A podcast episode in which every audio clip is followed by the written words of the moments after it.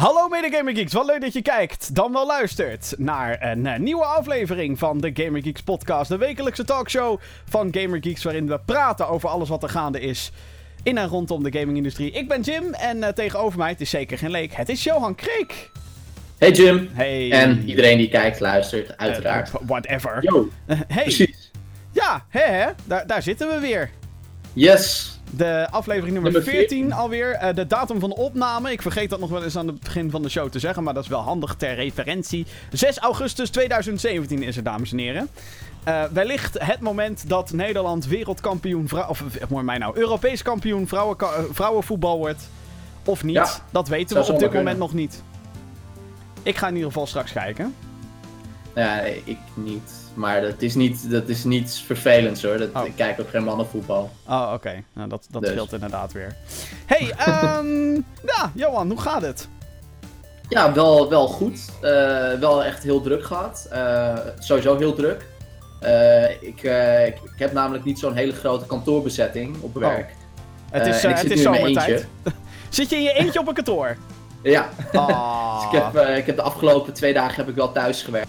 Eh, ja, ik had zoiets van... Ja, dat snap ik, ja. Dan maar. Ja. Eh, en ja, voor de rest, eh, ja, ook, ook best, wel, best wel druk gehad met, met het leven. Het leven. wel, wel, wel wat leuke dingen gedaan ook, dus dat wel. Nou ja, het gaat eigenlijk gewoon goed. Ik mag eigenlijk niet klagen. Maar even over dat alleen op kantoor. Ik bedoel, ik snap dat je dan lekker thuis gaat zitten, want fuck it. Ja, Maar hoe groot is dat kantoor? Moet ik dan echt zeg maar vier rijen aan tafels met computers en zo voorstellen? nee, nee, nee, nee, nee, nee, zeker niet. Nee, het, is, eh, het zijn eigenlijk twee, twee bureaus. Eh, en aan de ene kant eh, zit ik dan, en aan de andere kant zat ooit mijn collega. Dan zit daar nog een soort van wand tussen met glas. En daar zit dan de Big Boss, El Jefe. Oh ja. Maar die is op vakantie. En die Oh. andere persoon die werkte niet meer. Dus ja, Oké. we zijn, eh, we zijn eh, niet druk bezet op dit moment. En, en je bent niet stiekem even in, in, dat, in, in het kantoortje van je baas gaan zitten. Zo van zo. En zo voelt het om de boss te zijn. Nee, nee, Oh, jammer. nee, nee. Nee, ik, eh, ik ben heel erg van, van mijn eigen plek. Dus ik, ik zit Ja, lekker naast, naast Batman. Nou, Batman. Batman. Yes, yes. Ja, voor, Nee, voor- dus, ook eh, tegen dus dat. visualisatie. Volgens mij hebben jullie een big ass Dark Knight statue hebben jullie staan. Zeg maar Ja, levensgrote. klopt. Misschien nog wel Sinds, groter. sinds een maand. Ja. Heel, heel tof. Ik zou me echt de tering schrikken als er ineens zo'n gigantisch Batman-statue naast mijn bureau zou staan. In de eerste paar weken dat ik dan zo kijk, zit je een beetje te werken en dan... Oh, oh eh, hi- Batman. Nee. Ja, nee, precies. Nee, eh, het is ook wel grappig. eh, toen, toen, dat, toen die andere collega er nog werkte, die kon daar maar heel moeilijk aan wennen. Dus die kwam af en toe binnen en die, die had dan echt zo'n soort van zo'n schrikmoment. Zo van, oh hey, weet je. hij staat er. Ja, hij staat er. Hij staat er al twee weken, maar goed. Sommige mensen die, eh, die wennen daar niet zo heel snel aan. Dus dat was wel, eh, was wel heel grappig. Ja, precies. Oké, eh, ja, coming up in deze show. We gaan het hebben over natuurlijk het laatste nieuws. En daar is niet heel veel van. Maar ik ben vorige week met mijn domme kop... ben ik gewoon best wel belangrijk nieuws vergeten. Dus ik vind het nog wel noemenswaardig. Dus daar gaan we het zo meteen over hebben. Onder andere over nieuwe versies, nieuwe versies, nieuwe versies. Eh, We moeten het er toch ergens mee doen. En Ja. natuurlijk ook mail. Dus mocht je nog vragen hebben voor deze show... eh, mail gerust podcast.gamergeeks.nl En... ehm ja, Johan, jij bent aan de slag gegaan met een horror game waar we het nog even over kunnen hebben.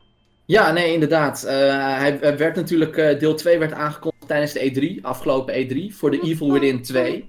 Met echt een fucking goede trailer. En waarschijnlijk een trailer die eh, in ieder geval de geschiedenisboeken ingaat als de beste trailer van 2017. Oh, zo. Zo. ja, zo. kom op. Come on. Die trailer was briljant. Nou ja, ik vond het wel heel veel vager. Maar goed, we, hebben het in ieder geval hier over eh, The Evil Within dus. Jij hebt deel 1. ja, ik heb, eh, ik heb deel 1 eh, voor, eh, voor 6 euro op de kop getikt op Marktplaats. Lekker. Inclusief verzendkosten. Woehoe. Ja, ja, ja. Ja. Dus dat, eh, dat eh, weet je, dan moet je dan ook blij mee zijn. Als je dan dat soort koopjes. eh, ik vind dat dan leuk om echt af te dingen en dat soort dingen. Dus Ja, Eh, want 6 voor, euro. voor, voor degenen die niet Ehm. weten wat de game is. Het is een, de game door Shinji Mikami. Wie de fuck de is dat, denk horrormeester. Dat is inderdaad de grondlegger achter, nou zeg maar, de, de, de geestelijk vader van Resident Evil 1, 2, 3 heeft hij gedaan of zoiets. En deel 4 ook nog. 4 ook? Ja, 4 ook nog. Uh, 1 en 4 in ieder geval. Volgens mij ook Dino Crisis en dat soort dingen. Daarna is Oh, hij weggegaan bij, bij Capcom. En um, is hij dus bij Bethesda gaan zitten. En daar heeft hij dus die Evil Within gemaakt. Er staat een review online van de eerste Evil Within. Maar die is inmiddels dus wel drie jaar oud. Want de game is inmiddels drie jaar oud. Ja. Ja, inderdaad. En uh, nee, ja, jij, uh, jij wilde gaan spelen, want jij wilde die game een nieuwe kans geven. Wij hebben hem destijds ja. toen samen gespeeld op Gamescom. Ja, klopt. Ja. Uh, waar oh we ja, heel was... erg over vielen. ik kan me nog heel goed herinneren. Wij speelden You die game it. voor het eerst op Gamescom. Uh, dat hadden ze fucking goed georganiseerd. Je zat in een fucking donker hok. En het enige... Je had kaarslicht en het licht van de schermen. Dat was Ja. het in dat hok. Was super cool gedaan. Dus wij zaten de hele tijd... Oké, oké. En ze hadden niet genoeg plek om ons beiden een aparte... Uh, in dit geval PS4 demo station te geven. Maakt niet uit. Wij gingen gewoon met z'n tweeën daar zitten en dan, hè, dan geef je gewoon die controller af. Dat is ook leuk. Precies. Dat is wat we volgens mij best, met z'n allen best vaak doen. Dat je gewoon een singleplayer spel gaat spelen. En dan, oh, ik ben af. Probeer jij maar een keer. Dus zo zaten wij- delen. Zo zaten wij Evil Within te spelen. En ten eerste kwam ik bugs tegen volgens mij dat ik door muren heen glitchte. En de PS4 crashte. Keihard. Je, je hebt gewoon het hele spelstuk gemaakt. Ja, ja. En ik zat, ook nog eens, ik zat ook nog eens kritische vragen te stellen van... eh, luister dan, die balken, hè?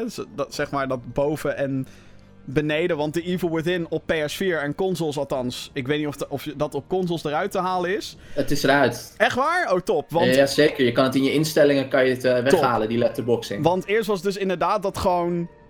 Ja, dat je zwarte balken boven en onder had. En dan was het excuus... Dat is voor de cinematic experience. Pff, was Ja. bullshit. Maar goed, ik, ik brak het spel dus op Gamescom. Daarna had ik het eh, op de PS4 gespeeld.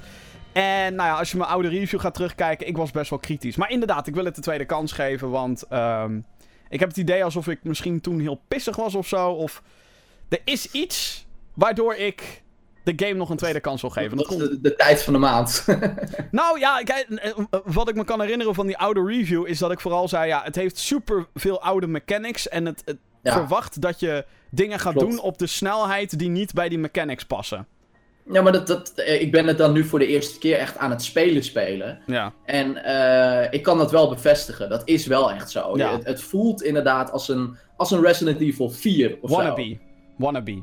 Ja, maar gewoon qua, qua hoe, hoe log het toch wel speelt. Ja, en dan En, ook dat camera stumpen, dat die camera echt gewoon bijna in zijn schouder zit. Dat je denkt, hallo, haal die camera ja, van mijn rug het is ook allemaal niet helemaal lekker, maar op de een of andere manier. Ik vind die sfeer van het spel, want eh, nou ja, ik kan het gewoon zeggen, want het is geen spoiler. Je hebt gewoon geen idee wat de fuck er aan de hand is. Nee, nee, nog Je hebt steeds gewoon niet. geen idee van wat de fuck er aan de hand is. Je gaat van locatie naar locatie met, met jouw hoofdpersonage. En er is van alles aan de gang. Alleen je hebt geen idee wat de fuck er aan de hand is. En op, op, op de een of andere manier, ja, ik vind dat heel spannend. En die controls, ja, ik heb hem nog niet uitgespeeld. Dus, en ik ben ook nog niet zo heel ver. Dus ik ga niet zeggen dat ik het kan vergeven, maar... Want waar, waar speel jij hem nu op? Elkaar. Eh, op de PS4. Oh, oké. Oké, ja. Ik heb Ja. hem dus opnieuw in de Steam Summer Sale gehaald voor de PC. Want ik had zoiets van, nou, deel 2 komt eraan. Ik wil toch ergens... Er blijft er iets in mijn kop hangen van die game dat ik denk, ik wil het toch nog een keertje spelen. Ik wil ook eerst één spelen voordat ik twee ga doen. Ja, ja dat heb Ik ik, weet dus dat ook... jij daar ook heel erg eh, last van hebt. ja, ik, eh, maar ja, week. bij sommige gevallen laat ik dat hangen hoor. Eh, ik Ja, weet dat... toch wel? Ja, Destiny 2 komt eind dit jaar uit. No way dat ik door heel Ja. fucking Destiny 1 ga Nee, wandelen. erop. Maar ehm, ja, ik, wij zijn bijna even ver nu. Althans, ik in mijn tweede playthrough nu en jij dan op de PS4. Ja, Dus klopt. dat is wel geinig op zich. En ja, inderdaad, die, die game weet wel die sfeer heel goed neer te zetten hoor. Ik wilde misschien ook een video over maken. Over nou, ja, mijn tweede kans naar The Evil Within. Als ik eenmaal verder ben dan waar ik eerst was gekomen. Want ik had toen de game niet uitgespeeld. Want ik werd zo gefrustreerd. Ik dacht, fuck this shit, mate. Maar nu Ik heb ook meteen die Season Pass gekocht trouwens. ja, ik ook. Ja, ja, want ik, ik speel hem nu op PC. Ja, sowieso, die hogere framerate. Mooi. En inderdaad dat die zwarte balken niet meer zijn. Het verhoogt zo erg. En de immersie. En gewoon je zichtbaarheid. Je hebt niet het idee dat je zo bij je tv zit. Dat had ik toen heel erg met die zwarte balken. Ik denk, hallo, waarom kan ik niet... Ja, maar klopt. Maar het probleem daaraan was ook van... eh, PS4 was toen nog relatief nieuw. Mhm. Eh, en we hadden zoiets van... Het is een nieuwe console die, die, eh, hè, die al het mooiste van, van die console zou moeten kunnen laten zien. En waarom lijkt het dan alsof de game een soort van trucje uithaalt... waardoor die dan grafisch gezien of zo wat beter meekomt. Terwijl Waarom eigenlijk de ik niet game- het hele scherm? Terwijl eigenlijk de game, laten we eerlijk zijn, niet zo mooi is. Ook niet voor zijn tijd. Je kon merken Nee. dat die game ook nog op de PS3 en Xbox 360 uitkwam. Ja, Want dat nee, is hij ook nog inderdaad. Dat was een eh, multiplatform release toen. Ja. Nee, dat klopt. Dat zag je er ook aan af en dat zie je er nog steeds vanaf. Maar wat ik zeg, het is, die, het is die sfeer en die soort van... Ik heb gewoon geen idee wat de fuck er aan de hand is. En ik ben maar aan het vluchten en aan het rennen en aan het om me heen slaan. Ja, er zitten Ja, wel echt het, een eh, paar... ik vind het tof. Er zitten een paar scènes in die eh, bij zullen blijven. En nou ja, er is er met name eentje. ehm, ik ga niet eens zeggen wat het thema is van die scène, maar. Sommige. Oké, laat ik het zo zeggen. Som, som- sommige speelgoedstukken zijn best eng als je ze in de verkeerde context gebruikt. En daar ja, zit een gigantische eh, scène. Letterlijk gigantisch, haha. Eh, eh, scène zit er in die Evil Within. En die is echt briljant. Er zijn gewoon dingen in die game. eh, het is zeg maar jammer dat die gameplay zo verouderd was. Ja, nee, ja, het is niet voor niets hè, dat, het, dat het wel door, de, door Shinji is, is gemaakt en bedacht. Ik bedoel, de, de, de Resident Evil 4, die ik nu toevallig ook aan het spelen ben met een vriend, Oh, vind ik ook heel tof. die game is zo goed. Die game is zo vind ik ook heel fucking tof. goed. Daar, daar werkt het Oh nee, ik echt ben heel vijf goed. aan het spelen Oh, trouwens. vijf. Ik ben Oh, ja, die heb ik nog nooit gespeeld. Nou, goed. In Spanje. Ja, Ja. ja dit, deel 2 komt dus... ehm, hoe noem je dat? Eh, vrijdag de 13e. Dun, dun, dun. En dat is meteen een mooi bruggetje. Want... eh fuck maar. Ja, nee, echt. Jongens. Nee, nee, echt. Jongens, jongens. Oh mijn god. Rage mode engaged, dames en heren. Wacht even, laat me even de sfeer neerzetten. Oké. Er is al een tijdje een game uit. En ehm die, die heet Friday the 13th. De. Het is een game waarin je dan wel als Jason speelt. De serial killer uit de horrorfilms. Of je speelt als een camper, een camp counselor. En die, eh, nou, die moeten dus wegrennen van Jason. Die moeten zien te ontsnappen van een kamp. Als je denkt, hé, hey, dat klinkt heel erg als Dead by Daylight. Hè? Eén iemand is het monster en moet de rest killen. Dat klopt. Het is eigenlijk gewoon... Ja, wie heeft wie geïnspireerd, kan je, kan je de vraag stellen. Die game is al een tijd uit. Ik speel hem, althans, ik probeer hem te spelen op de PC. En die fucking game werkt niet. Ik zat gisteren helemaal van, oké jongens, we gaan een streampje doen. We gaan Friday the 13th gaan we streamen. Dat is geweldig. Iedereen loopt dan door elkaar heen te rennen. En ik ben dan hopelijk een keer Jason. Dan kan ik iedereen nakken. Hartstikke leuk, hartstikke grappig. Ik heb heel veel over die game gehoord. Ik heb gehoord dat het vol met bugs zit. Ik heb gehoord dat er glitches in zitten. Dat Ja. soms het connecten naar een match niet goed gaat. Ik heb er allemaal geen last van, want ik krijg de fucking game niet eens opgestart. Ja, ja nee, dat is weer een ander probleem. Die heb, ik, eh, die heb ik nog niet voorbij zien komen. Wel heel veel kritiek, Het is, eh, maar niet eh, het niet kunnen opstarten. het is zeg maar, ik, en, en, hè, daar staat dan in mijn Steamlijst. Ik druk dan op play. Ik doe het nu ook gewoon nu achter me, terwijl ik, terwijl ik dit aan het opnemen ben. Dan krijg ik dus een Tuurlijk. laadbalkje. Laden, een ogenblik geduld. Dat loopt dan heel snel vol. Dan denk ik, oké. En dan zie je nog Doet even niks. meer. Dat is bij meerdere games. Weet je wel, dat je even moet wachten en dan ineens komt er een Nvidia-logo in je face. Van, oh ja, oh ja, ja, ik was een game aan het opstarten. Nvidia. Hier doet hij dat een minuut of twee.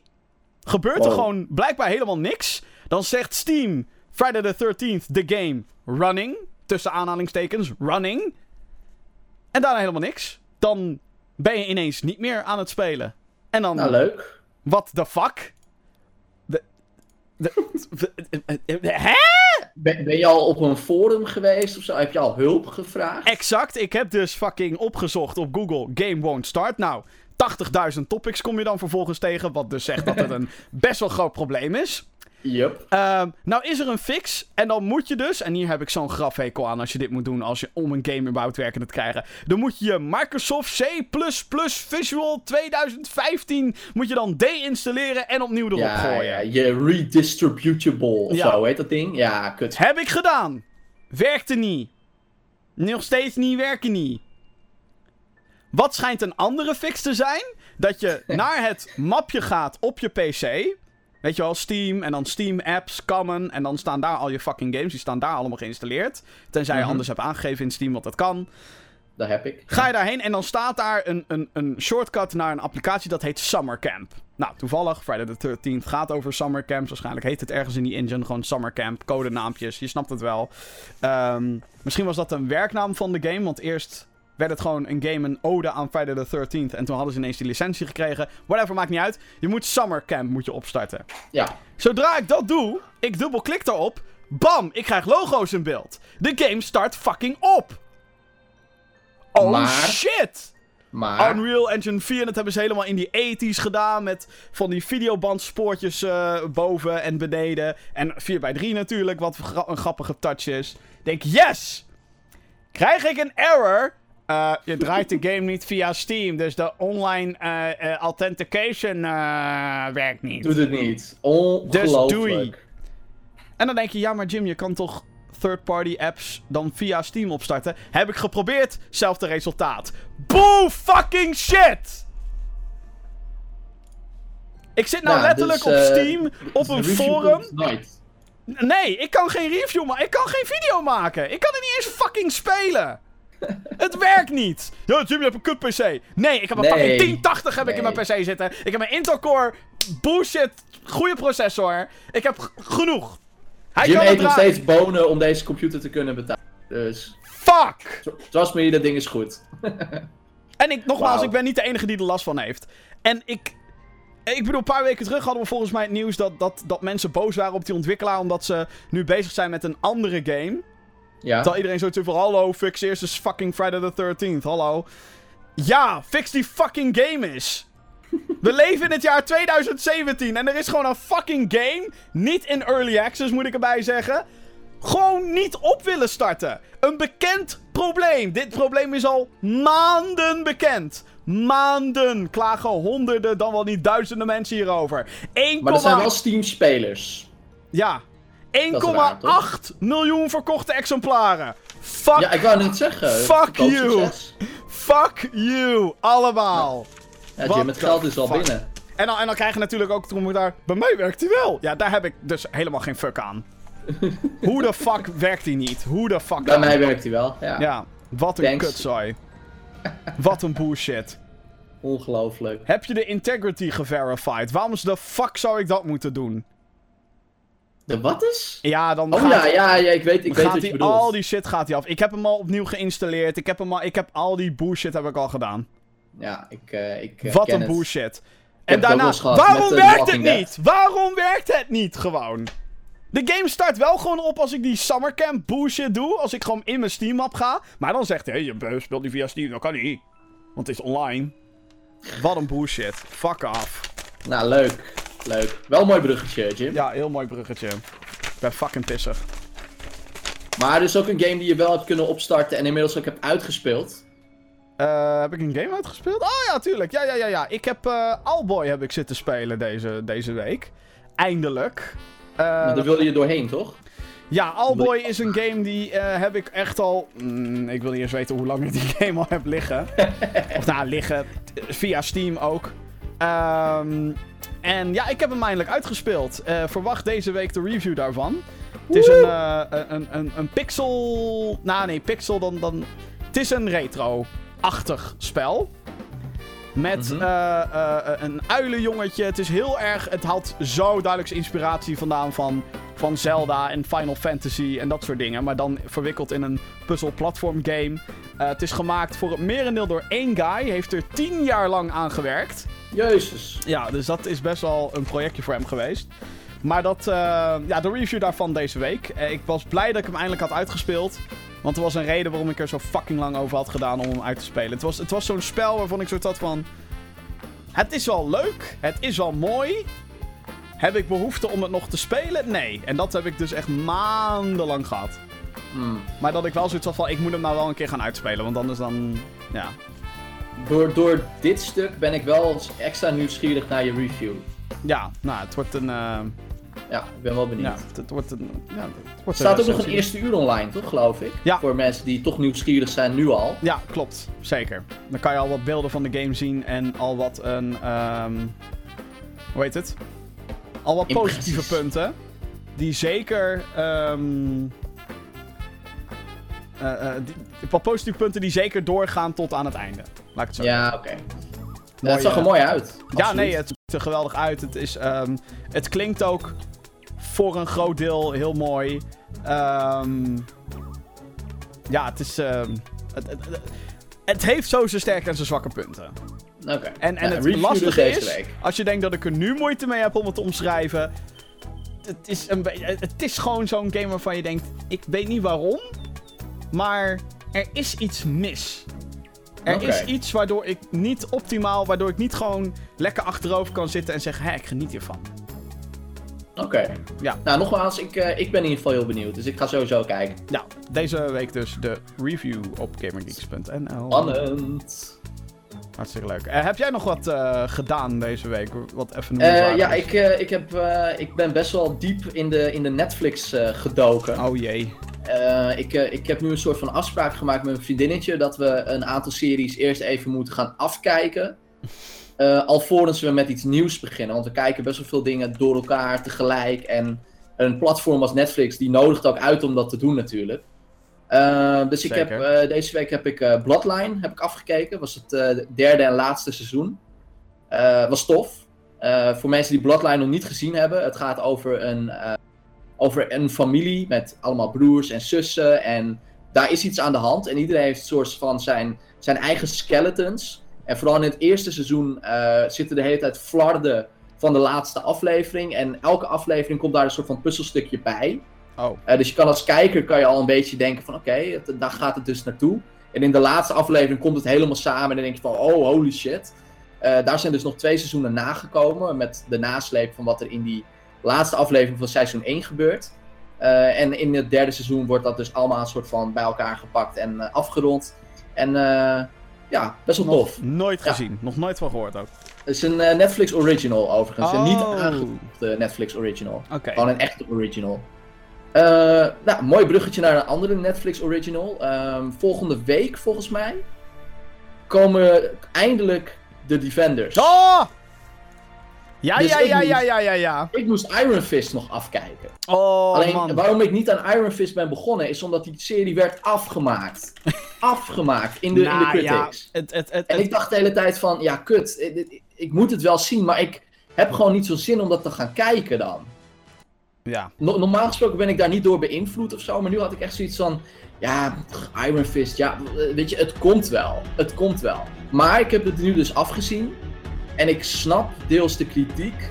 Alleen ik Ja, we vraag hebben- me af even- of dat ook geweest zou, geweest zou zijn als dit de tweede serie in de reeks was Even om nog wat context te vormen. eh, er zijn dus een paar Marvel televisieseries.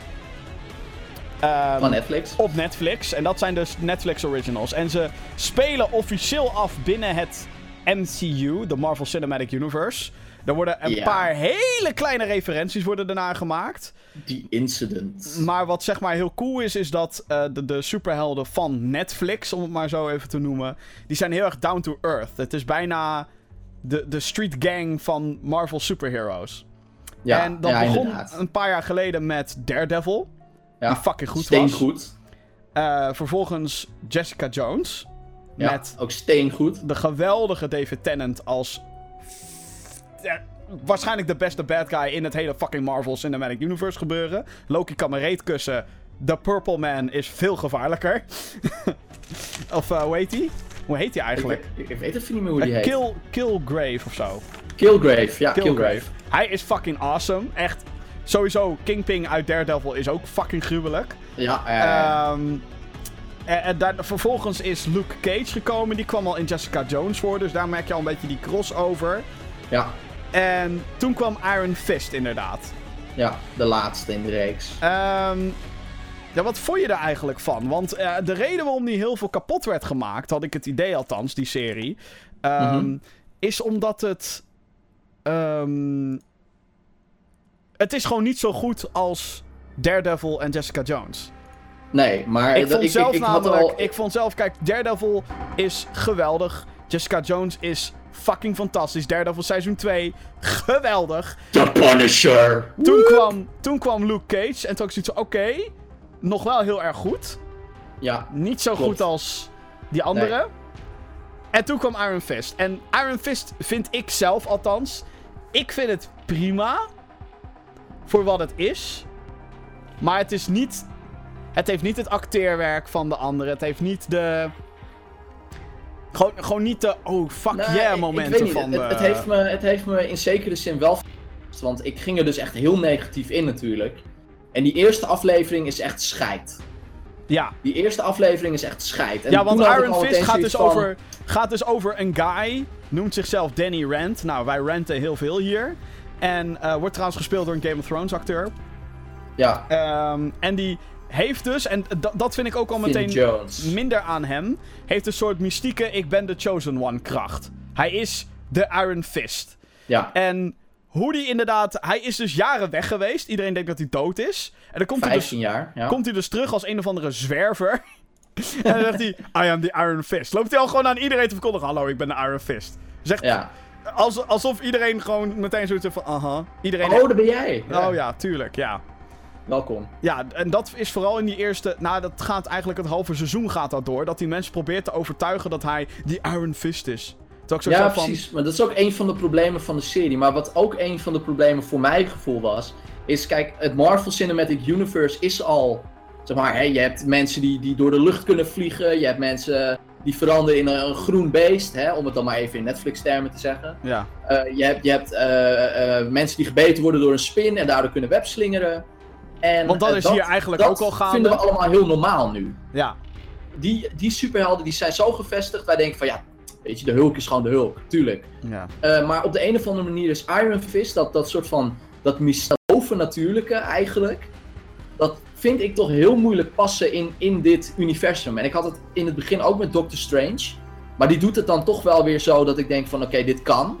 Ja. Maar vooral met Iron Fist had ik echt zoiets van, ja, dat hele Kunlun en dat je, je groeiende vuist. En ik voelde het gewoon niet zo. Nee, nee, het is, het is alsof je ehm, bijna een seizoen al hebt gemist. Dat je zoiets hebt van, hij probeert echt mensen te overtuigen, terwijl wij kennen deze guy ook niet.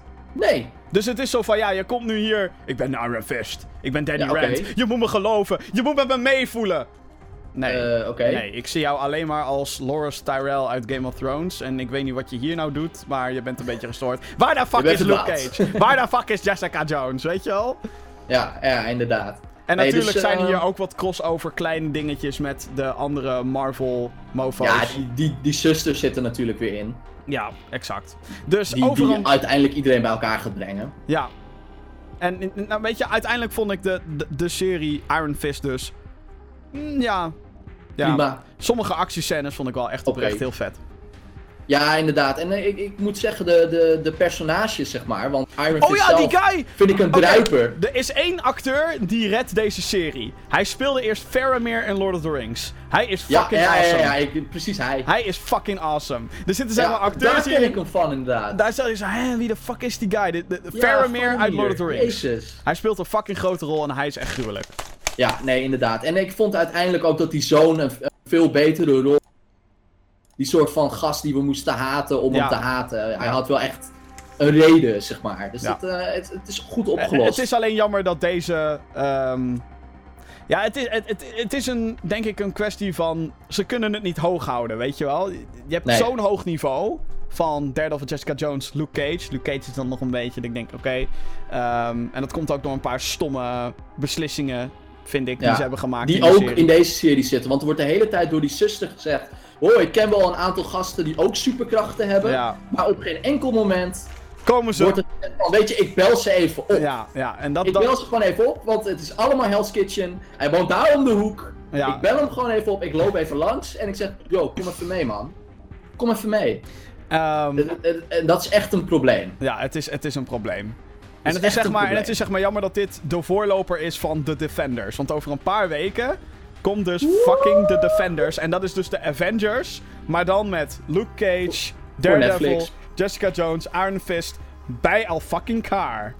Yep, yep. Ik word helemaal gek als ik eraan denk. En dan denk ik, Ja, oh shit, dat ik is al ook. bijna. Ik heb daar heel veel zin in. maar ja, Sigourney dus Weaver. Iron Fist nog kijken. Ja, Sigourney Weaver speelt er ook in. Ja, klopt inderdaad. Is ook te En gek. Volgens mij een hele toffe rol ook. Ja, de bad guy. Zij wordt de bad Ja. guy. Dus Ja, ik ben heel Dus benieuwd. Echt heel eh, benieuwd. Wel heel tof. Eh, dan nog één Netflix uitstapje voor mij dan. Eh, Ozark. ook een nieuwe, een nieuwe Netflix original met Ah, ja. Jason Bateman, die je vooral kan kennen van comedyrollen. Ehm, en deze serie is heel tof. Het gaat over een, een, gewoon een normaal doorsnee gezin. En die guy die werkt in het soort van in het bankwezen en die is goed in geld verplaatsen, eh, investeren. Mhm. En eh, op de een of andere manier is hij in het verleden is hij betrokken geraakt bij een soort van eh, kartel. Een, een Mexicaans of een Spaans kartel. En dat loopt helemaal uit de klauwen al in de eerste aflevering. En het idee is dus dat om zijn hachje te redden, moet hij volgens mij 500 miljoen voor die gast gaan witwassen. En de vraag is dan, hoe doe je dat? En op het moment dat dat gebeurt, weet niemand nog dat hij aan het witwassen was. Dus hij moet heel zijn gezin moet hij gaan vertellen van, oh ja, hey, we moeten hier, hier, moeten hier weg. Want ze gaan daar weg, waar ze wonen. We moeten hier weg en ik moet 500 miljoen gaan witwassen voor die ene guy. Oh. En zeg maar, alle problemen die daarbij komen kijken. En zijn vrouw, die is ook, eh, die is ook niet helemaal eerlijk geweest tegenover hem. Eh, hij heeft twee jonge kinderen, eh één pubermeisje. Nou, die is natuurlijk aan het puberen, dus die is ook allemaal dingen aan het doen. En, ehm wat nou? Is het een beetje Breaking Bad-achtig? eh, Nou ja, en dat, dat wil ik dus zeggen. Het probleem aan deze serie is, is dat het personage van Jason Bateman eigenlijk meteen gaat naar het moment van I am the danger. Oh. Deze serie gaat echt veel te snel. Oh. Echt, uh, in aflevering 2 zit je al op, op het moment van I am the danger. I am the one who knocks. En ook eh, die vrouw, die zich dus redelijk snel moet gaan aanpassen. Die zit al op het niveau van Skyler, zeg maar. In seizoen 3,5. Oh, Dus dat, man. het klopt niet helemaal, maar het is, het is heel tof gedaan en ik, eh, ik ben er nu alweer bijna klaar mee. Ehm, Maar het gaat net iets te snel. Maar Ozark, ik kan het eh, voor nu nog wel aanraden. Ik vind het wel tof. En Jason Bateman is eh, sowieso een goede acteur. Dus. Oké. Nou, top. Ehm, laten we het weer even over games gaan hebben. Waarom? Ja. Nee, laten we het over games hebben. Ehm, want, geloof het of niet, er is nog wat gebeurd. Ja, niet, niet heel veel, maar Nee. er is nog wat gebeurd. Ja. Ehm, waar zullen we eens mee beginnen? Nou, laten we beginnen met ehm The Long Dark. ja. Want dat een is game, een game. die ik is, niet heb gevolgd. Het is eh, een survival game, is heel lang in early access geweest. Is nu uit. Ik had wat negatieve geluiden gehoord, maar ik weet nou niet echt waarom. Maar, ehm, ja, die is er nu. En ehm er komt een film van. Yay. Is dus bekendgemaakt. Yay. Zaten we daarop te wachten? Nee. Nee, nee, helemaal niet als je hoort wie erachter zit. Nee, eh, inderdaad, namelijk de producent achter de Resident Evil filmreeks. Ja, dat zijn natuurlijk eh blockbuster films die iedereen heeft gezien en die iedereen Ah. fantastisch vindt. Man. Gelukkig is niet de regisseur, althans nog niet. Oh nee. Paul Ja. W.S. Anderson die dacht, laten we het plot van Resident Evil nog harder verneuken. Oh man, man, man. Die Resident Evil films, ze waren zo slecht. Is niet eens Ja, gra- waardeloos. Niet eens grappig meer. Alleen die eerste was goed. Ja. Ja, goed. Ja, Gewoon je snapt wat ik bedoel. een competent, zeg maar. Ja, het, het, inderdaad. het kan. Van, van, de, van de zeven films is de eerste gewoon, Waren er zes is toch? de eerste gewoon goed. Ik weet het niet eens meer. I really don't care. Ze- zeven toch? Het, e- het enige wat we nog weten met z'n allen is dat creepy meisje die zegt... You're all going to die down here. Ja, wat ook in een andere film zit. Ja, in elke fucking andere film, want ze rehashten die shit de hele tijd. Dus het is wel, oh ja, dat is het enige goede aan die fucking Resident Evil. Ah man, wat slecht. Oké, ehm EA heeft, Dan, heeft bevestigd ja. tijdens een financiële meeting dat er in 2018 een nieuwe Battlefield verschijnt. Goh, Speculeren! Woe, wat, wat komt er? Wat komt er? ja, het, het- het klinkt heel voor de hand liggend, maar eh, een Tweede Wereldoorlog Battlefield, dat zou natuurlijk nu wel het meest logische zijn. Ja, ja ik, ik, ik neig inderdaad eh, daarnaar. Of en ze die naar kant op moeten, dat is een tweede, maar... Bad Company 3? Anyone? Oh, dat zou misschien ook wel kunnen, ja. Dat zou... heeft het wel goed gedaan destijds. Dus ja, het, het zou op zich kunnen. Ja, maar het is wel... Ja, Bad Company... Het, het is weer zo'n... Dan wordt het weer zo'n modern shooter. En ik denk dat mensen daar nu juist een beetje van af willen. We gaan het zien. Ik ben heel benieuwd. Misschien een... eh, een eh, nou, een Vietnam Battlefield. Oh ja, dat zou ook wel tof zijn. Gewoon volledig, eh, want er is een Battlefield Vietnam volgens mij. Dat was toen een soort van naar, Battlefield... na, naar ander- 1942. eh, ja, een soort. Battlefield 1,5 was dat. Ja, Maar dat, dat zou ik tof vinden. ja. Ehm, ja, ik ook, zeker. dat, dat is weer eens wat anders ook. Dat hebben we nog niet Koude echt gehad. oorlog. Ja. dus ik- dan speel je als een stel onderhandelaars die daar zo in zo'n control room zitten. Heeft Rusland al een nucleaire bom? Nee, oké. Oké, nou, eh, ga wel even koffie halen, wil je ook? Ja. Zou ook een leuke zijn, ja.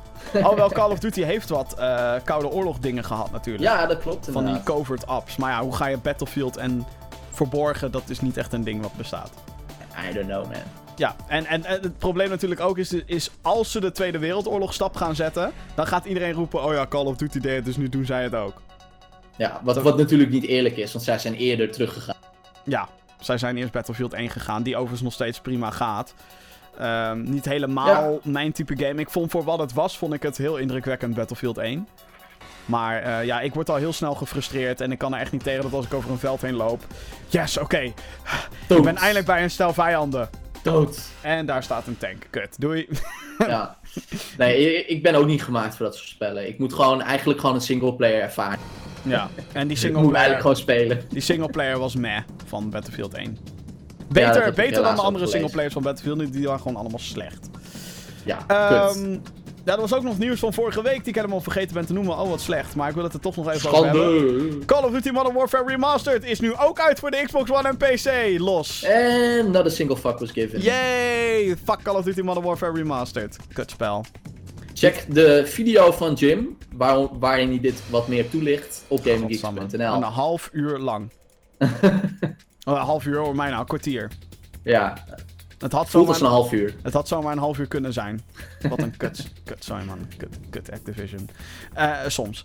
Eh, The Sims 4 komt naar de PlayStation 4 en de Xbox One. Heeft ja, EA aangekondigd. fuck. Dat vond ik een rare aankondiging. Ja, ineens uit het niets. Hey, de Sims komt naar consoles. Oké, 17 november. Ik weet niet of dat maar is, is, dat dan, is dat dan gewoon de Sims 4 zoals die op PC is? Of maken ze dan een consoleversie? Ik denk wel dat ze echt een andere eh, versie maken, ja. Want ik weet niet of je die ooit gespeeld hebt. Die kwam toen ook uit voor de PS2 PlayStation weet ik toen 2 nog. en Gamecube. Ja, die hadden ze toen flink aangepast, ja. Dat was echt leuk. Je begon dus, eh, zeg maar, dat je nog bij je, eh, bij je moeder... Dat de televisie daar stuk ging. En dat je dan eh, uiteindelijk daar uit huis ging. En dat je eigen kreeg. En Ja. dus dat echt een soort van story mode. En ik vond het, eh, ik vond het best wel lachen. En het was vooral heel veel moeite die ze erin hadden gestoken. Dus dat was ook tof. Ja, zeker. Ik denk dat ze weer zoiets gaan doen, ja. Ik denk niet dat je letterlijk die game kan overporten, want het is gewoon te veel afhankelijk van... Ten eerste inmiddels 80.000 expansions.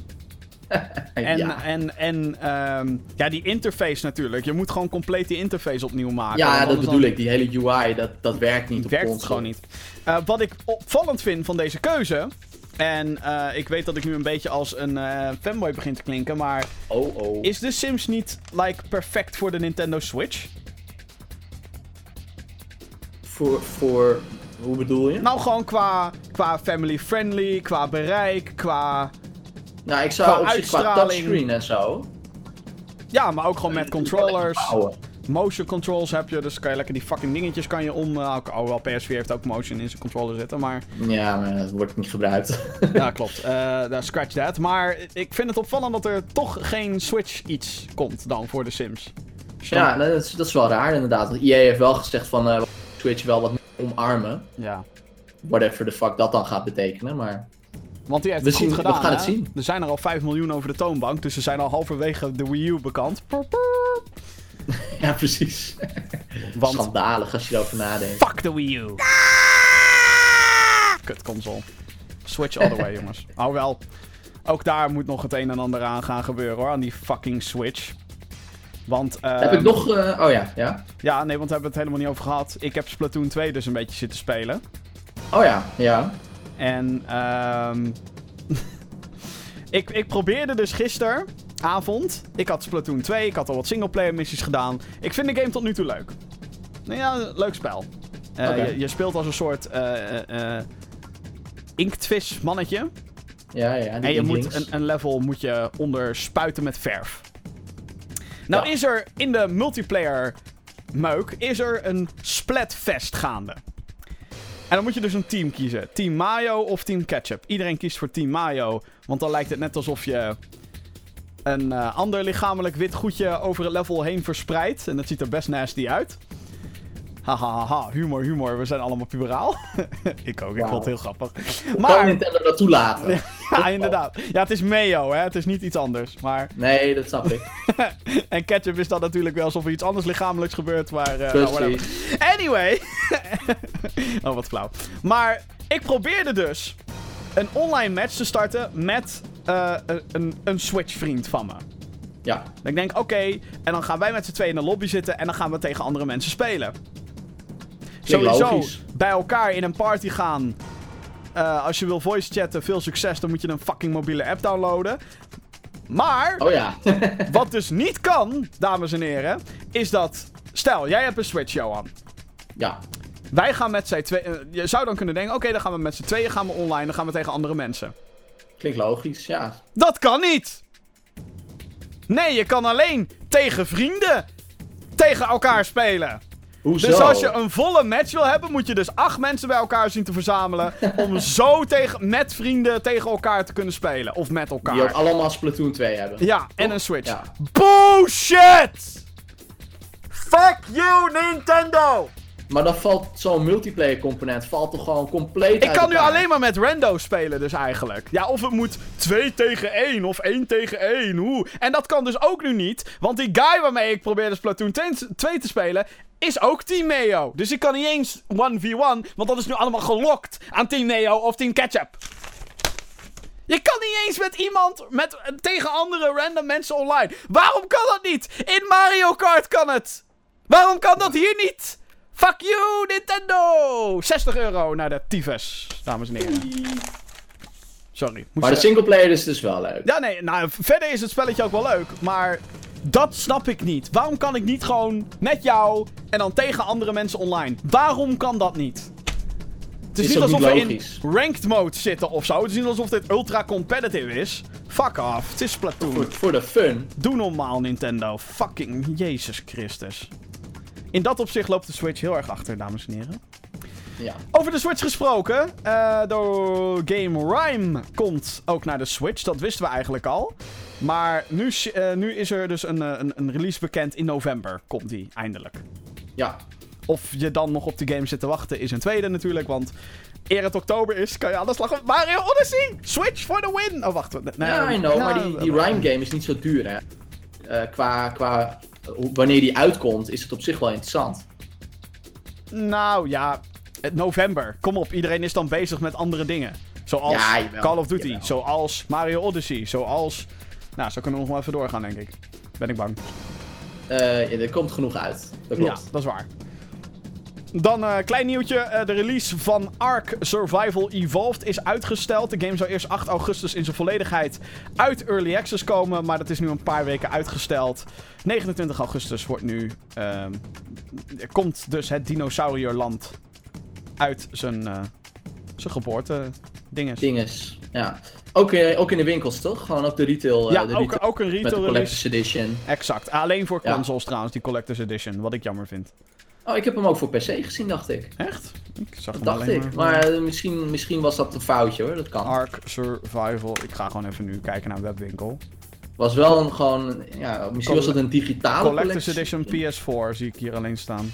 Nee, dan, eh, dan waarschijnlijk niet. Ja, nee, ik zie hier, ik zie hier zo'n plaatje van die Collector's Edition en dan zie je alleen maar een PS4 en een Xbox One hoesje. Nee, dat lijkt me duidelijk. Echt bullshit. Ziet er wel mooi uit trouwens, die Collector's Edition, maar 180 euro, of je dat ervoor over hebt, is een tweede. Inderdaad. En dan moet je ook nog maar afwachten of het spel, hè, de, het feit dat hij uit early access is, of hij dat goed heeft doorstaan. Ja, dat is inderdaad ook altijd eh, de vraag. Ik heb hem nog niet gespeeld. Ik heb hem wel op Steam al. Oh, echt? Leuk. Ja, maar ehm, ja, ik, ik, ik hoop dat deze game beter werkt dan Friday the fucking 13th. Ik denk het wel. Laten we het hopen. Godsamme. Ehm, dan, eh, ja, het is eindelijk zover. NBA Live, de basketbalgame van EA, die eh, gaat nu ook vrouwen krijgen.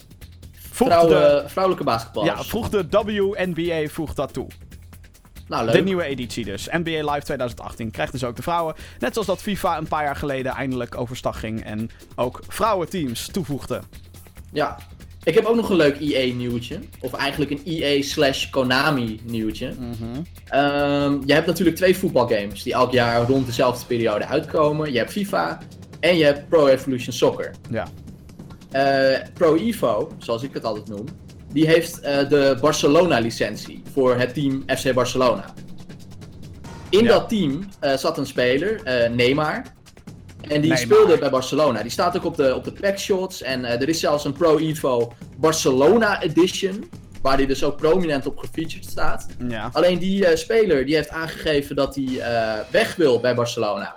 Sterker nog, al weg is bij 200 Barcelona. miljoen, of nee, wat was het? 500 miljoen? Die transfer? Ja, insane. Insane. Volgens mij het duurste transfer ooit. Ja, volgens mij wel, ja.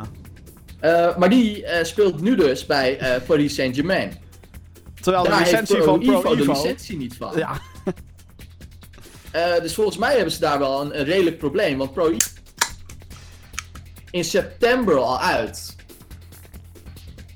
Zeg Ja. het goed? In september? Ja, volgens mij in september komt hij al uit. Dus die moeten volgens mij echt nu packshots en dit, dat soort shit allemaal gaan aanpassen. Al hun promo materiaal. Want overal staat Neymar op. maar In wat, zijn fucking Barcelona shirtje. waarom zijn ze afgestapt van Messi dan? Ehm, omdat Messi eh, onderzocht werd door de IRS. Oh ja, oh ja, Messi die moet... eh, die, die, eh, wie was er nou die moet, laatst die ook moet Messi? eigenlijk zitten, maar Maar wie was er nou laatst? Oh ja, Ronaldo werd natuurlijk ook door de Belastingdienst werd hij hevig aangepakt. Oh, hij ook? Serieus? Ja, en Oh, dat, dat heb ik niet meegekregen. ik hoorde daar ook dat daar de licenties van Pro Evo ergens mee te maken had. En, en royalties van Konami. Oké, ja, dat zou best kunnen. Konami, Eh, Ronaldo heeft ook een paar keer op de, op de cover gestaan van, eh, Pro Evo. van Pro Evo. Ja.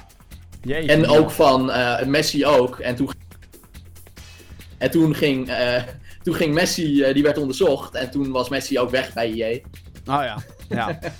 Ja, dus dat, dat is de, de voetbalgames eh clusterfuck. ik stem overigens gewoon voor keihard voor Viviana Minima op de cover van FIFA eh, 18. Just saying. Wie is dat? Wie is dat? Oh, nou, zij, zij is helemaal fantastisch. Zij is dus echt een van de sterspelers van eh, het vrouwen-EK-elftal. Hoe heet ze? Fifi? Vivianne? Minima. En ik heb, wel, ik heb wel met haar te doen. Eh, zij is een spits. En zij heeft de eerste paar wedstrijden heeft zij echt 80 kansen gehad. En elke keer lukt het maar net niet. En je ziet gewoon aan haar dat ze twijfelt. Zo van, ah ja, nee, nee, kut, nee, toch niet. Ik loop toch nog even door. En dan nou, loop je tegen drie verdedigers op, dat is niet handig. Ehm, en de laatste paar wedstrijden komt ze eindelijk, krijgt ze eindelijk doelpunten dat ik denk, fuck yes, Miedema gewoon, yes. Weet je wel? Ja. Dat vind ik eigenlijk, Ja, nu, ja, ja. Dat vind ik eigenlijk nu het allerleukste van het hele EK vrouwenvoetbal. Ik had het nog nooit eerder gezien. nu zit ik te kijken en is het helemaal, oh, oh shit, oh shit, deze is echt gruwelijk. Deze, ze- het worden echt eh, personages, Personages. zeg maar. Waar ja, precies. waar je ja. voor gaat routen. Geweldig. Ja, lachen. Nee, ik, eh, ik heb het dus nog niet gezien, maar... eh, ik Maar goed, eh, vrouwen dus Leuk in. NBA en ehm, eh, mogelijk andere packshots en zo voor Pro Evo. Ja, concluderend. Ja, het wordt, wordt een duur grapje, ben ik bang. Dat, als ze al in productie zijn gegaan, dan is dat... ja. Ja, was ik al bang voor, ja. Oké, ik ga de mailbox openen. Want, nou, zoals je weet, je kan mailen elke week naar podcast.gamergeeks.nl eh, om een onderwerp die jij wil hebben in de show te krijgen. En ik zag al een paar ehm, mailtjes voorbij komen. Onder andere van Ronald. Hey Ronald. Ehm, die heeft het dus wel werkende gekregen, Friday the 13th. En hij zegt, dat spel is gewoon oprecht rot. Ik vind het ook geen zak aan. Dus misschien Ja, is het een blessing in disguise dat hij bij mij niet werkt. Ja, nou ja, inderdaad. Ehm, een mailtje van Jeroen Helmonds. Waar hebben jullie afgelopen week om geraged? Nou, nou, Nou. Ik, kan wel, ik kan wel een mooie teaser geven. oh ja? Want ik heb Ik, dus eh, geraged om Friday the 13th, Splatoon 2, Overwatch heb ik zitten ragen. Maar oké, waar heb jij hem zitten ragen? Nintendo. Maar in een video. Dus die, eh, die hoop ik deze week Oh. eh, live te kunnen zetten. Oeh. Ja. Heeft het te maken met het feit dat je een fucking telefoon-app moet downloaden om te kunnen voice chatten met iemand? Nee, want dat doet mij niet zo heel veel. Ik vind het vervelend voor de mensen die er gebruiken. Ik heb natuurlijk geen... Je hebt geen Switch, nee. Nee. Nee. Ah, ik heb zoveel zin Nee, het, is, eh, het, het heeft te maken met een probleem waar Nintendo al jaren mee... Hmm. Dun, dun, dun. Ik denk dat het te maken heeft met eh, richting en marketing en, en dat soort dingen. Ah, zo zou je het kunnen noemen, ja. Yo, Gamer Geeks, Lico hier. Vorige Hallo, week Lico. toen ik de podcast keek, hadden jullie het over het spoileren van The Walking Dead. Als ik het mij goed herinner. Dus mijn vraag was: eh, wat was de grootste spoiler die jullie ooit hebben gehad waarvan jullie dachten: fuck you? Eh, de spoiler mag van een gameserie zijn, of film, of alle drie. Gameserie ik, eh, of film. Ik, ik heb er wel één. Nou, één voorbeeld die nu heel erg speelt bij mij. eh, voor mijn werk moet ik namelijk veel online zitten. En eh, nieuwtjes uitzoeken. Dingen die met entertainment te maken hebben. eh, dat soort dingen. Dus elke fucking maandagochtend zit ik op websites zoals Entertainment Weekly. Ga er nooit heen als je geen fucking spoilers wilt voor Game of fucking Thrones. Want er staat dan een foto van de acteur met daaronder deze acteur over zijn of haar einde. Fuck you! Ja. Oké. ja, het wie is de mol effect, hè? Oh, wie Noem is ik de dat. mol? Dat is bij jou een eh, spoiler. Grote spoiler. Eh, nee, ik, ik, heb, eh, ik heb er twee. Oh. Ik zal eerst de, de, meest, de meest vage doen, waar, ik, waar ik tot op heden nog steeds last van heb. Omdat ik de game nog niet gespeeld heb. Oké, wa- wa- wa- waar ik, gaat zal, het ik over? zal het ook niet spoilen. Het was ook Entertainment Weekly volgens mij die dat deed. Welke game? Welke game? Twitter. Arkham Knight. Oh. Oké. Er schijnt daar iets te gebeuren. Aan het En einde. ik weet het nu dus al. Eh, maar da daar kopte zij mee. Dat was gewoon hun koptekst. ja. De grootste spoiler uit dat spel ja, was hun koptekst. Ja. Ja. Schandalig. dat is kut, ja. En eh, ik heb ook één keer gehad met een televisieserie. Dat is echt jaren geleden. Toen eh, werkte ik nog bij de. En hè, toen zat je nog helemaal in dat. Toen had je nog geen Netflix en dat soort shit. Dus toen was je gewoon aan het downloaden per week. Als er een aflevering werd uitgezonden in. eh, precies. Eh, in, eh, als het uitgezonden was in Amerika, dan downloaden. Dat is nog steeds zo, alleen het wordt minder gedaan. Oké. Eh, maar dat, dat meisje eh, was dus al veel verder dan ik. Want ik was toen nog niet zo van het downloaden en ik liep achter. Oké. En ze zegt op een gegeven moment, eh, het ging over de OC trouwens, een eh, tienerserie.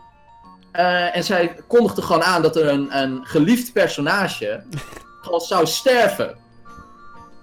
Ja. Dus ik heb, ik heb er geslagen. ik heb er echt geslagen. En, en ik heb gezegd van, wat de, wat de fuck flik je me nou? Ik ben Ja, nog helemaal kut, niet ja. bij het derde seizoen. Ik ben halverwege het tweede seizoen. Dus, eh, nou ja, en inderdaad, het, eh, dat personage gaat ook dood aan het einde van het seizoen. Want wat bleek, ze wilde haar filmcarrière achteraan, achterna gaan. Is nooit gelukt, overigens. Eh, maar toen zag ik dus die scène en toen dacht ik alleen maar... Oké, dit is het moment. Dit is het fucking moment. Het is al verpest. Ja, weet je, ik heb ook mensen die dan... Ik ga heel vaak naar de film en ik eh, kijk heel veel televisie. En dan vragen mensen aan mij van... Ja, hoe loopt het eigenlijk af met bla bla bla? En dan zeg ik... eh, zeg ik niet. Ja, hoezo niet? Ik ga dat nooit kijken. Ik zeg, nee, dat doe ik niet. Want als iemand het wel ooit gaat kijken, dan is het gewoon verpest. Dus ik, ik ben heel erg van... Spoilers, get the fuck out. Nou wil ja, het ligt er een beetje aan. Ik had, ik had hier toevallig laatst met Vincent een gesprek over. Die, ehm We hadden het over Prey. En eh hij had zoiets van, ja maar... Wat is, wat is nou de deal, zeg maar, ach- achter, achter Prey? Mhm. Ehm, want de game hint eh, zeker in het begin naar een aantal dingetjes... die wel of niet eh, zouden kunnen zijn. Ehm, en dan heb ik zoiets van, ja, als iemand... gewoon zonder dat je merkt van... ik hoef geen... weet je, maakt me niet uit... dan vind ik het niet erg om het erover te hebben. Ehm, maar als ik ook maar enigszins het idee heb van... oké, deze persoon is geïnteresseerd... dan ik zoiets van, vermijden die handel... en gaan. Ja, precies. Dan zeg je, kijk, een eh, vliegende draak. Ja, oh. Huh? Wat? Huh? Wat? Huh? Wat? Qua game kan ik me eigenlijk niet zoveel spoilers herinneren. Ja, ik weet... eh, Althans, ik weet dus niet hoe dit ongeveer gaat, gelukkig. Maar ehm, ik weet dat je in het eerste seizoen van The Walking Dead van Telltale... Mhm, als een, een, een, een man speelt. mhm. En dat je in het tweede seizoen heel duidelijk als Clementine speelt. Dat klopt. Dus ja, daar moet ook een specifieke reden achter zitten, denk ik. Ja, ik heb, het, eh, ik heb het eerste seizoen helaas nooit mogen afmaken. Team gewoon aan het fokken was. Zoals eh Steam met jou aan het fokken is met die Friday the 13th. Friday the Dus 13th, fuck you! ik, heb, ik heb heel die Walking Dead reeks. Ik weet nog, dat was mijn eerste video voor game. Eh, ik heb heel die Walking Dead reeks heb ik toen gewoon, gewoon laten vallen. Oh, oké. Gewoon niet meer. Ik was op fora, ik heb gezegd van, hé, hey, hoe werkt dit? Help me. Ik heb die shit nooit aan de praat gekregen. Ik had Is het, hele is het- seizoen Is het ondertussen niet nog in de gefixt? eerste aflevering spelen. Oh, oké. Ja, ik heb daar geen interesse meer. Ik, eh, oh ja, ik ben wel gespoild eh, als in hoe eh die Order 1886 eindigt. Oh, niet doen. Die ben ik ook aan het spelen nu. Het, het- ja, nou, ik, ik, ik, ik weet hoe die eindigt en het is kut. Don't tell me. I'm playing it now. Nou, ik, moet, ik moet hem nog spelen. Ik heb die game alvast liggen voor het geval 1887 wordt aangekondigd wat vroeg of laat gaat gebeuren. Ja, ik had hem ook voor eh, 7 euro. Ja, ik, ik heb die ook ergens goedkoop op de kop getikt, want in zo'n steel wel met zo'n met zo'n lelijke gele sticker van eh, Not for Resale. Oh, dat, dat is jammer. Dat is jammer, ja. Dat is Ja. jammer. Ehm, ja, verder kan ik me eigenlijk geen... Spoilers, spoilers, spoilers. Games waarvan ik echt dacht, nee, waarom... Nee, niet echt. Nee, nee, alleen dat eh, Arkham Knight ding dus. Terwijl ik die game nog niet eens gespeeld heb. Het is ook, eh, de meeste, al- als ik ook echt wil weten, niet wil weten hoe een game eindigt of zo, dan kijk ik ook geen reviews, dan kijk ik echt gewoon, dan Nee, ga ik er klopt. zelf volledig in. Ehm, dat gezegd te hebben, bij Gaming Geeks proberen we wel zoveel mogelijk spoilers te vermijden. Mhm. Alleen ja, als we echt context willen geven aan onze mening, dan moeten we sommige dingen, eh, we moeten het over sommige dingen kunnen hebben. Ja. En ik heb één keer Ja, heb ik klopt. een dikke spoiler alert voor een review gedaan en dat was bij Arkham Knight. Ehm, want ik kon die game niet reviewen zonder dat het over bepaalde personages ging en wat hun rol daarin is. Ja, die review heb ik dus ook nooit gezien, hè? Nee, nee, dus als je echt niet wil weten. eh, oh, ik heb het daar niet over het einde. Helemaal niet. Behalve dat ik het einde teleurstellend vond. Dat Ja, is zeg dat maar mijn, wel, dat ja. is mijn optiek. Ik vond het teleurstellend, maar dat vond ik eigenlijk van het hele plot van Arkham Knight op den duur. Begint heel Mhm. vet, maar op den, uiteindelijk gaat het echt van die richting op dat ik denk... God damn it. Fucking hell. Kom op jongens. We waren zo vet bezig en dan gaat het uiteindelijk weer daarheen. Ja. Dat, dat, dat was mijn idee. Maar dat, was, eh, was ook een, dat ging gepaard met de gameplay. Als in, alles is de fucking Batmobile in Arkham Knight. En dat is echt heel kut. Oké, Ja. duidelijk. Misschien bij deze een minor spoiler. Boss battles in Arkham Knight? Alles in de Batmobile. Fuck you, game. Yay, Fuck in de tank. Ja, in de tank. Eh, even kijken. Ehm, hey Jim, ik heb gezien dat je Splatoon 2 hebt gekocht. Wat vind jij tot nu toe van de game? Nou ja, ik, ik vind het eh, idee daarachter super leuk, maar daar blijft het dan ook een beetje bij. Ehm nou ja, ik- het spel is leuk. Ik heb Splatoon 1 niet gespeeld, want ik heb geen Wii U. Fuck de Wii U, mensen. Ehm, dus, dus ik kan niet zeggen of het beter is of niet dan het eerste deel, want niet gespeeld. Maar ik vind het wel heel leuk. Eh, eh, Er zijn een paar dingen waar ik me aan erger. Ehm, nou, dat gedoe met online dus. Dat is echt dat ik denk... Zijn wij terug in 2005 of zo? Toen console gaming en online, toen dat nieuw was. Whatever, dat- dat snap ik echt niet. Ehm, maar er zijn ook wel dingen met, met de controls die ik niet zo fijn vind. Je kan zeg maar je Switch of je controller, whatever, kan je tilten. En dan kan je dus zo omhoog en naar beneden richten. Je kan ook zijwaarts. Nou, klinkt dat misschien verwarrend. Dat klopt. Je kan het gelukkig uitzetten. Maar eh, je kan niet een combinatie daarvan kan je doen. En dat vind ik jammer. Dus als je motion control doet, dan kan je... Hè, je kan een beetje draaien met je motion controls. Je kan omhoog en naar beneden. En dat is waar je het voornamelijk voor moet gebruiken. Om zeg maar echt te kunnen richten. Mhm. Maar als je dus daadwerkelijk je personage moet omdraaien... Ja, dan moet je daar wel echt op de duur je analoge stick voor gebruiken. Want anders zit je echt helemaal zo... Ga je helemaal omdraaien. En dat is niet handig. Natuurlijk. Raak je helemaal in de war met je draadloze verbinding. Eh, nee, dat niet. Maar het is niet comfortabel om in een soort draaistoel met je tablet te gaan zitten. Of met je Pro Controller, want dat werkt niet. Ehm, maar wat ik dus het liefste zou willen, is dat ik en met mijn analoge sticks kan richten. Met behulp van die motion controls. Dus dat ik zeg maar motion control gebruik om echt heel accuraat mijn schotpunt te bepalen. En dat ik dan Mhm. verder met mijn analoge sticks kan richten. En dat gaat dus niet. Die combi is er niet. Het is of alleen control sticks, of de motion controls zoals Nintendo dat bepaalt. Dus je wil een patch. Ja, ik wil gewoon dat een combinatie mogelijk is. Want als je dus de motion controls aan hebt staan, met je analoge stick kan je dan nog wel naar links en naar rechts richten, tussen aanhalingstekens. Als in, je kan van richting veranderen. Maar naar boven en naar beneden werkt dan niet. Dat is alleen met die motion controls. Oké. En dat is kut. Ik wil gewoon een combinatie van die twee. Want op het moment dat ik die motion controls uitzette... Toen zat ik helemaal onwennig van... Toen zat ik gewoon met mijn ding te tilten. Zo, wacht even, dat werkt dus nu niet meer. Kut. Kut. Dus een combinatie daarvan, dat zou ik wel heel prettig vinden. Dat maakt het toch wel wat... ehm, ja. Wat, Ja. wat fijner. Dus. Ehm, nog een mailtje komt er net binnen van Alan. Of Elen. Alan. Beste Gaming Geeks. Nu de Legend of Zelda DLC Pack 1 al een tijdje uit is, is mijn vraag of een van jullie het al heeft gespeeld. Zo ja, wat is jullie ervaring? Eh, nu ik zelf deze heb uitgespeeld, vraag me dan ook of jullie moeite mee hebben gehad. Eh, nee. Ik ben nog lang niet aan het einde van Zelda toe. Dus nee. En kan dan? Ook niet. Jeroen is een stuk verder dan ik, Maar ook geen DLC. eh, maar volgens toch? mij nog geen eh, DLC. eh, nee. Dus nee, daar heb ik geen mening over. Sorry. Ja, nee, ik kan niet alles spelen, jongens. Ja, ik ben zeggen, Jim kan ook wel eens geen mening hebben. Nee, eh, ja, ja, ik, Momentjes moet je koesteren. Ik vind, ik vind dat sommige dingen in die, in die DLC-pack, die hadden van mij... ehm, die hadden van mij gewoon een patch moeten zijn. Als je snapt wat ik bedoel. Dus er is bijvoorbeeld nu een functie in de, in de DLC-pack... dat je kan zien waar je geweest bent. Dan krijg je gewoon een gigantisch groot spoor krijg je op je kaart te zien van... hier ben je de afgelopen 200 uur geweest. En dat heb je alleen als je de DLC hebt. Dat heb je alleen als je de DLC-pack koopt. Dat is onzin. Dat vind ik dus bullshit. Hard Ja, mode, dat dat achter DLC zit, vind ik bullshit. Ja, dat kan niet. Dat is echt onzin. Dat En zou gewoon Nintendo- content moeten zijn. Wees eens even lief en voeg eens wat save slots toe voor Legend of Zelda. Just saying. Hoeveel heb je er? Eén. Eén. Oh, wacht. Nee, één voor normal en één voor hard mode. Dat is een aparte save. Wauw. Bullshit.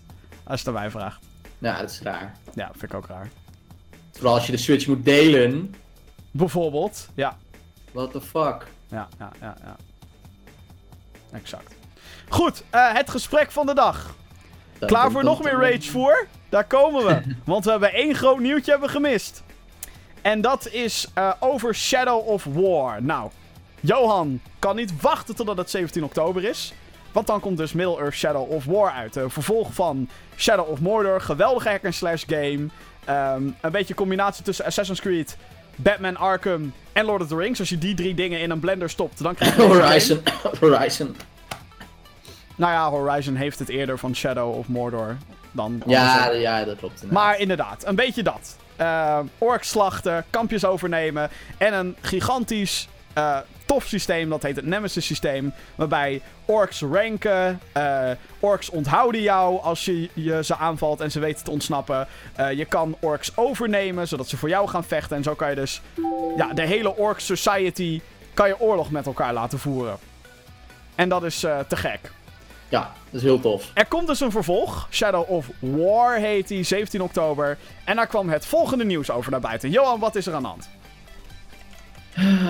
De game gaat microtransacties bevatten. Moet ik, moet ik nog meer zeggen? Of moet, ik- moet ik gewoon- is mijn hoofd voldoende op deze manier? Wat is het nou voor, voor kutactie? Wat is het nou voor, voor, voor legitieme kutactie? Wat er dus gaat Die game heeft dat niet nodig. Wat er dus gaat gebeuren is dat je straks in Shadow of War kan je loot chests kopen. En in die loot chests kan onder andere gear zitten voor je personage. Je kan orks krijgen of zo ook, die dan aan je leger toegevoegd worden. En een experience boost, zodat je eh, eh, ja, minder, minder hoeft te spelen en dat je dan wel meer levelt. Yay. In een, En, in een mag, ik, mag ik daarbij toevoegen, volgens mij alleen singleplayer game. eh, ja, klopt. Er zat wel een soort van multiplayer-achtig aspect in. Dat je elkaars ghosts of zo kon zien in eh, Shadow of Mordor. Oké. Ik weet niet of, je dat, of, dat, eh, of dat je ooit is opgevallen. Jij speelde het ook op PC, toch? Eh, ja, nou, nou, maar dat zat er niet in. Dat is, dat is echt Bloodborne, eh, wat je nu zegt. Nee, nee, nee. Het zat, ook in, het zat echt in Shadow of, eh, Nou, als, Shadow ik, of als ik nu in ieder geval Shadow of War opzoek, zie ik alleen maar mode singleplayer staan. Ja, nee, het is dus ook wel een singleplayer game. Maar het was wel online verbonden, zeg maar. Oh. Dus ik kon het zien als jij ergens was doodgegaan, bij wijze van. Oh, nee, dat eh, geen idee. En dat is inderdaad ook Bloodborne, nu ik, eh, nu ik over nadenk. Ja. Eh, ja, maar inderdaad gewoon een singleplayer game. Dus die, die hele fucking microtransacties. Ook in een multiplayer game zie ik die dingen liever niet. Maar daar kun je nog het argument maken dat dat logischer is of zo. Eh, en je kan natuurlijk ook het argument maken, maar je hoeft het niet kopen. Nee, maar je hoeft het eigenlijk ook niet toe te voegen. Nee. Het is alleen maar weer bedoeld om gewoon geld, gewoon, ja, gewoon geld te verdienen. Ja, en dit, is, de- nou, wel de- de- logisch is, dit maar- nieuws eh, maakt heel wat mensen pissig. Want ja, het is een fucking singleplayer game. Waarom zou je daar in godsnaam fucking microtransacties in douwen? Ehm, dus het leek mij wel even leuk om daar even verder over op in te gaan. Eh, wat zijn jouw slechtste, jouw beste ervaringen met microtransacties? Wanneer is het iets wat wel klopt? Wanneer is het iets wat niet klopt? Waar ligt nou die balans, Johan? Wanneer moet het wel, wanneer moet het niet? Laten we het ook hier even... Waarom is het kut in Shadow of War? Waarom willen we dit niet? Nou ja, je, je geeft het zelf wel aan, het is een singleplayer. Ja, Dus je, je doet het voor niemand anders dan jezelf. Het is niet dat je, zeg maar, dat je een gevecht aangaat tegen, tegen Pietje, die, eh, weet ik veel wat, in Alkmaar zit. Eh, en dat je online aan het vechten bent. En dat jij dan meer loot chest hebt gehad en dus iets sterker bent. Dat is het niet. Het is gewoon eigenlijk één balance, want het is een singleplayer game. Eh, ik snap het gewoon niet. Ik snap het gewoon echt niet. Ik weet, ik weet niet eens hoe ik het moet verwoorden. Het is zo niet logisch in dit spel. Het is gewoon, ja. Ja, om, om extra gear te unlocken. Waarom kan Ja. ik dat niet gewoon. Spel? Oh, dat kan wel. Want alle content eh, zit niet verscholen achter de, de betaalde shit. bullshit. En Pre-order skins en pre-order weapons en dat soort onzin. bullshit. Ja, het is echt bullshit. Ja, nee, ik, ik, ik, ik, kan het niet eens, ik kan het niet eens gewoon verwoorden. Zo'n onzin is. Dat is Nou, waar, waar, waar iedereen dus bang voor is, en dat is volgens mij ook de, de, di- dikke vette protesten die er daarom ook zijn, is. Ehm, ze, voegen dit nou toe. En er moet natuurlijk een reden zijn waarom je dit wil gaan kopen. Dus wordt het straks expres veel te grindy? Of ineens veel te moeilijk, zodat je zoiets hebt van... Oh ja, ik moet nou wel echt een paar van die fucking kisten kopen, want anders dan... Hè, heb ik niet genoeg sterke gear om er doorheen te kunnen komen. Dat is nu waar mensen bang voor zijn. En, het is, en en wa- wat hier lullig aan is, is dat dit zo duidelijk niet de beslissing van een ontwikkelaar is. Nee, het is een beslissing van zo'n zo'n fucking mannetje in een pak die, die zoiets heeft van... Wat moet hij mijn geld verdienen? Oh, stop die microtransacties erin. En dan gaan ze vervolgens natuurlijk in een persbericht beweren dat het het leukste is voor de fans. En dat Ja. is bullshit. Ja. Nee, maar inderdaad, wat je zegt, dat, dat zou wel echt heel kwalijk zijn. Dat je inderdaad zoiets hebt van, weet je, ik kan nu gewoon beter 10 euro neerklappen. Want ik ben nou echt al drie uur aan het grinden en ik kom nog steeds niet verder. Ja, Ja, maar, dat, maar dat is... dat zou het spel zo kapot maken. En dat is waar een van mijn grootste tegenstand bij zit. Het is een game waar je al de volle map voor betaalt. Ja, dat klopt. Het kost al Je betaalt 60 gewoon 60 euro. euro. Doe normaal. Waarom de fuck moet ik nog extra microtransacties erbij voegen? Dat is echt de grootste onzin die er is. Ja, dat Vind is ik. inderdaad gewoon extra verdienen. Ja. Zijn er nog meer voorbeelden eh, voor jou persoonlijk? Die, ervaringen die je hebt gehad met microtransacties waarvan je zegt, nou, dit, dit, dit kon wel of dit was bullshit. Nee, nee. Ik, ik, ik kan me eentje herinneren. Het is volgens mij vorig jaar of al langer geleden. Eh, Angry Birds 2. Ik weet niet of je die gespeeld hebt. Ah, ja, ja, ja, ja, ja. ja dat is, eh, nou hebben we het ook meteen over mobile. En, en volgens mij is het daar ook een beetje vandaan gekomen, hè? Daar komt het ook vandaan. Gewoon het feit dat heel veel mobiele spelletjes zijn gratis. Maar hey, zo, er moet geld aan verdiend worden. En dus wordt er op den duur... Ja, wordt het ook vaak te moeilijk of te grindy tenzij je er geld in stopt. Precies, maar wat, wat bij Angry Birds 2 dus het geval was, was dat je volgens mij, je had een x aantal pogingen dat je, dat je de, de puzzel kon proberen. Ja. Ehm, volgens mij drie of vier keer. En dan kon je ook nog een aantal extra levens bij verdienen als je het heel goed deed. Eh, en als je, de, als je dan door die beurten heen was, dan moest je dus een dag wachten voordat je verder kon spelen.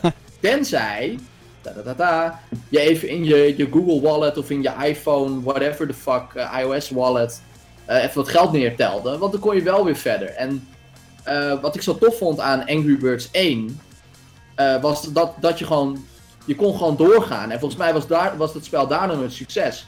Als Ja. de puzzel niet lukte, probeerde je het nog een keer. En als Ja. het dan niet lukte, probeerde je het nog een keer. En je Ja, ging gewoon ik, net eh, zo door tot je het hele kutspel had uitgespeeld. En dat kon nu niet. Ik zie nu ook in de chat zie ik voorbij komen. The Last of Us had toch wel een goede DLC.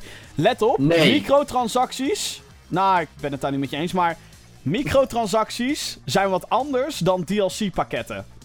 Een microtransactie is bijvoorbeeld een loot chest in Overwatch. Is bijvoorbeeld, nou, een loot chest hier in, in, in Shadow of War.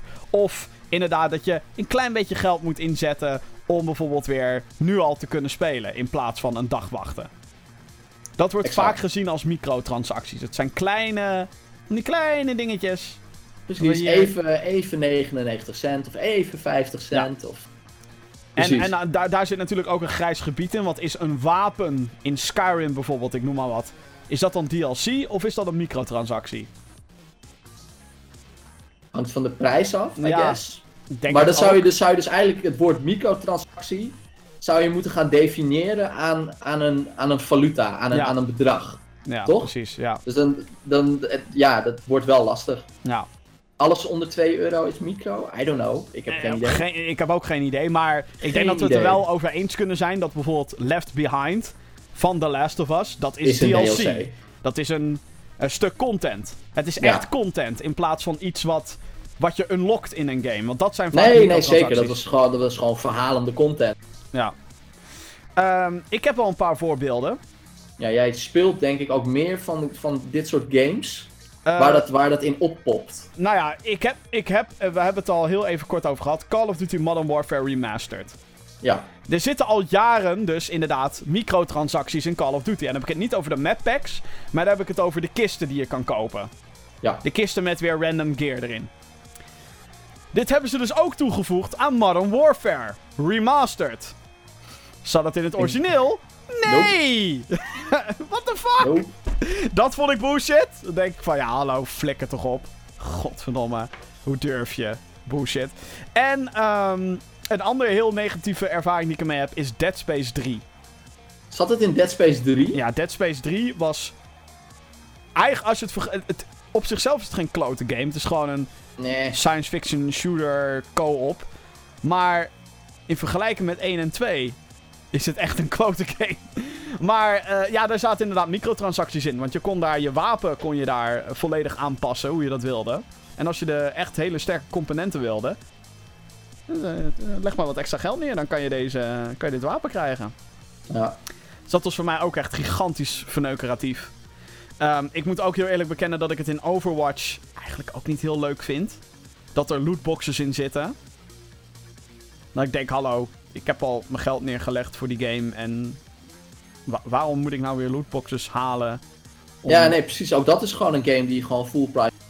En dan kan je natuurlijk zeggen, ja, maar je kan levelen. Ja, dat klopt, je kan levelen, maar dat duurt fucking lang op den duur. Op een gegeven moment kom je gewoon tegen zo'n muur aan. En hetzelfde geldt ook voor Heroes of the Storm, natuurlijk. Hero of the Storm! Maar Heroes of the Storm is free to play. Ja, En ik denk dat daar wel echt een verschil in zit.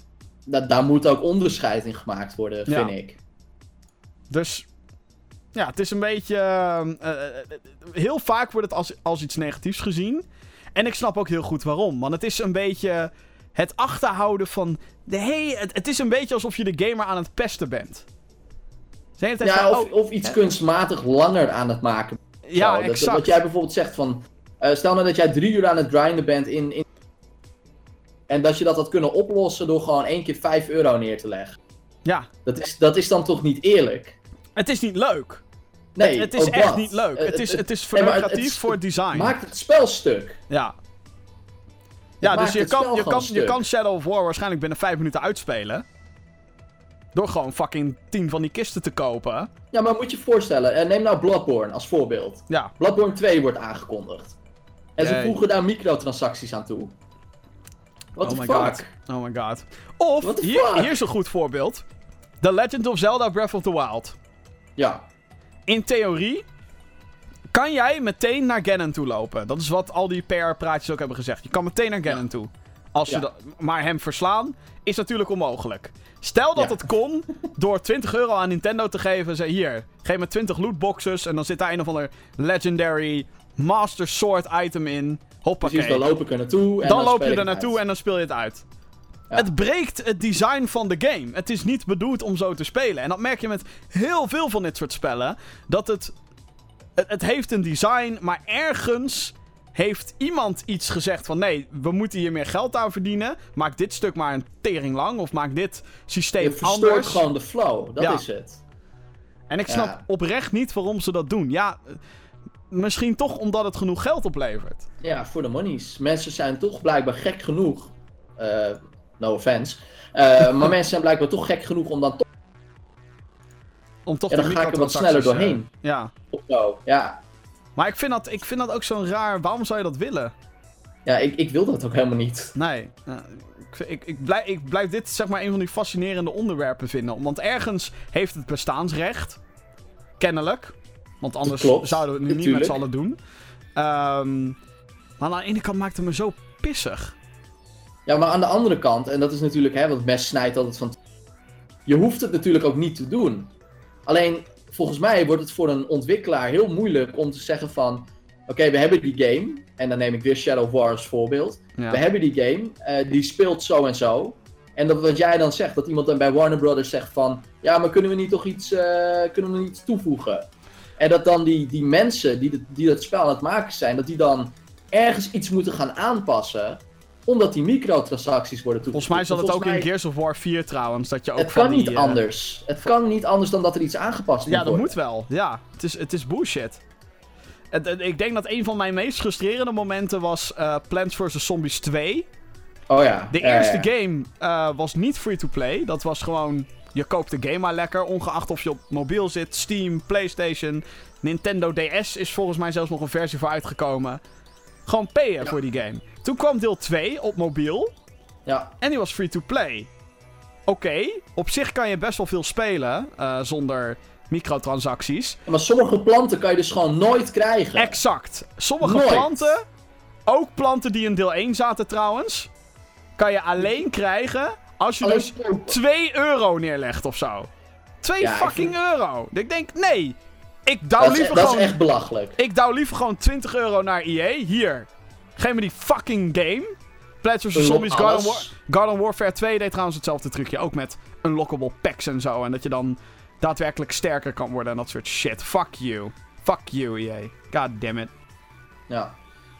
Nee, maar... En bij, en bij Titanfall 2 zit het volgens mij ook, maar daar is het wat meer cosmetisch. En ik denk ook dat daar trouwens een verschil in zit. Heeft het cosmetisch te maken of is het wat anders?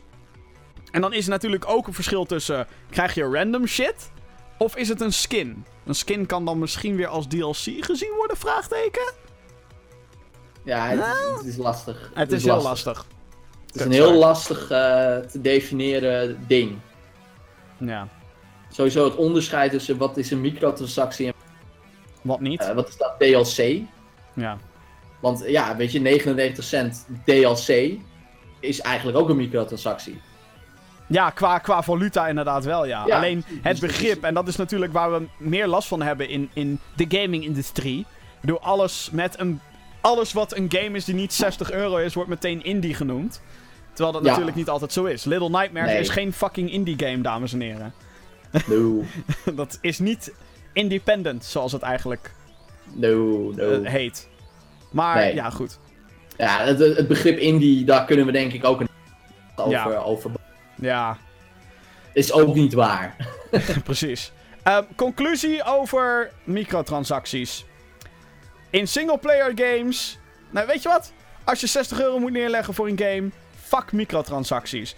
Gewoon Een- niet doen. Een season pass met added content. Whatever. Nou ja, whatever ligt er ook een beetje aan hoe je dat aanpakt. Want ehm, Season Pass eh, is ook een, eh, een begrip waar... het is nog een hele aparte discussie, eh, is dat waar, denk ik. Maar zeker ja. in het geval van Shadow of War, wat natuurlijk een beetje het voorbeeld is wat we hebben aangekaart. Nee, doe het gewoon Niet- fucking niet. Waarom zou je? Ik vind het echt, eh, ehm, het geval dit dus, denk ik echt, het is zo niet nodig. De voorganger had het niet. Waarom heeft deze het dan wel? Had die game dan mooier gemaakt. Had die game mooier gemaakt? In Of- plaats van microtransacties toe te voegen. Sterker Had nog, die game gewoon mooier gemaakt. komt er een fucking season pass voor Shadow of War? Die was, was die ervoor? Nee. Of waren dat losse DLC's? Waren losse DLC's, hè? Eh, Shadow of Mordor, of niet? Er is een fucking season pass voor Shadow of War. Tuurlijk is er een season pass. Ga- waarom fucking komt er dan microtra... Zodat je er nog meer aan kan verdienen, Jim. Wat een bullshit. Ja, eh, die, die Shadow of Mordor was natuurlijk best wel een, een sleeper hit. Volgens mij hadden ze niet verwacht dat het zo'n hit zou worden. Nee. Eh, dus eh, ja, probeer Hier. eens gewoon een slaatje uit te slaan. Oftewel, What? No money? Yeah. dat gezegd te hebben, gaan we naar het volgende onderdeel. De De Hall of Fame. Johan, jij hebt weer een eh, game uitgezocht die niet per Ja, se zeker. nieuw is, maar waarvan we wel zoiets hebben van, dit moet je ooit een keer gespeeld hebben in je leven. Oh, ik hoor die team al. ja, het, eh, inderdaad. eh, een spel dat, waar ik heel veel uren in heb gestoken op de Nintendo 64. Vroeger? Precies. Het spirituele vervolg op GoldenEye. Perfect Dark. Fucking geweldig spel. Ik eh, ga meteen mijn handen hiervan afhouden, houden, want ik heb dit spel nog nooit gespeeld. Echt niet, maar GoldenEye wel, toch?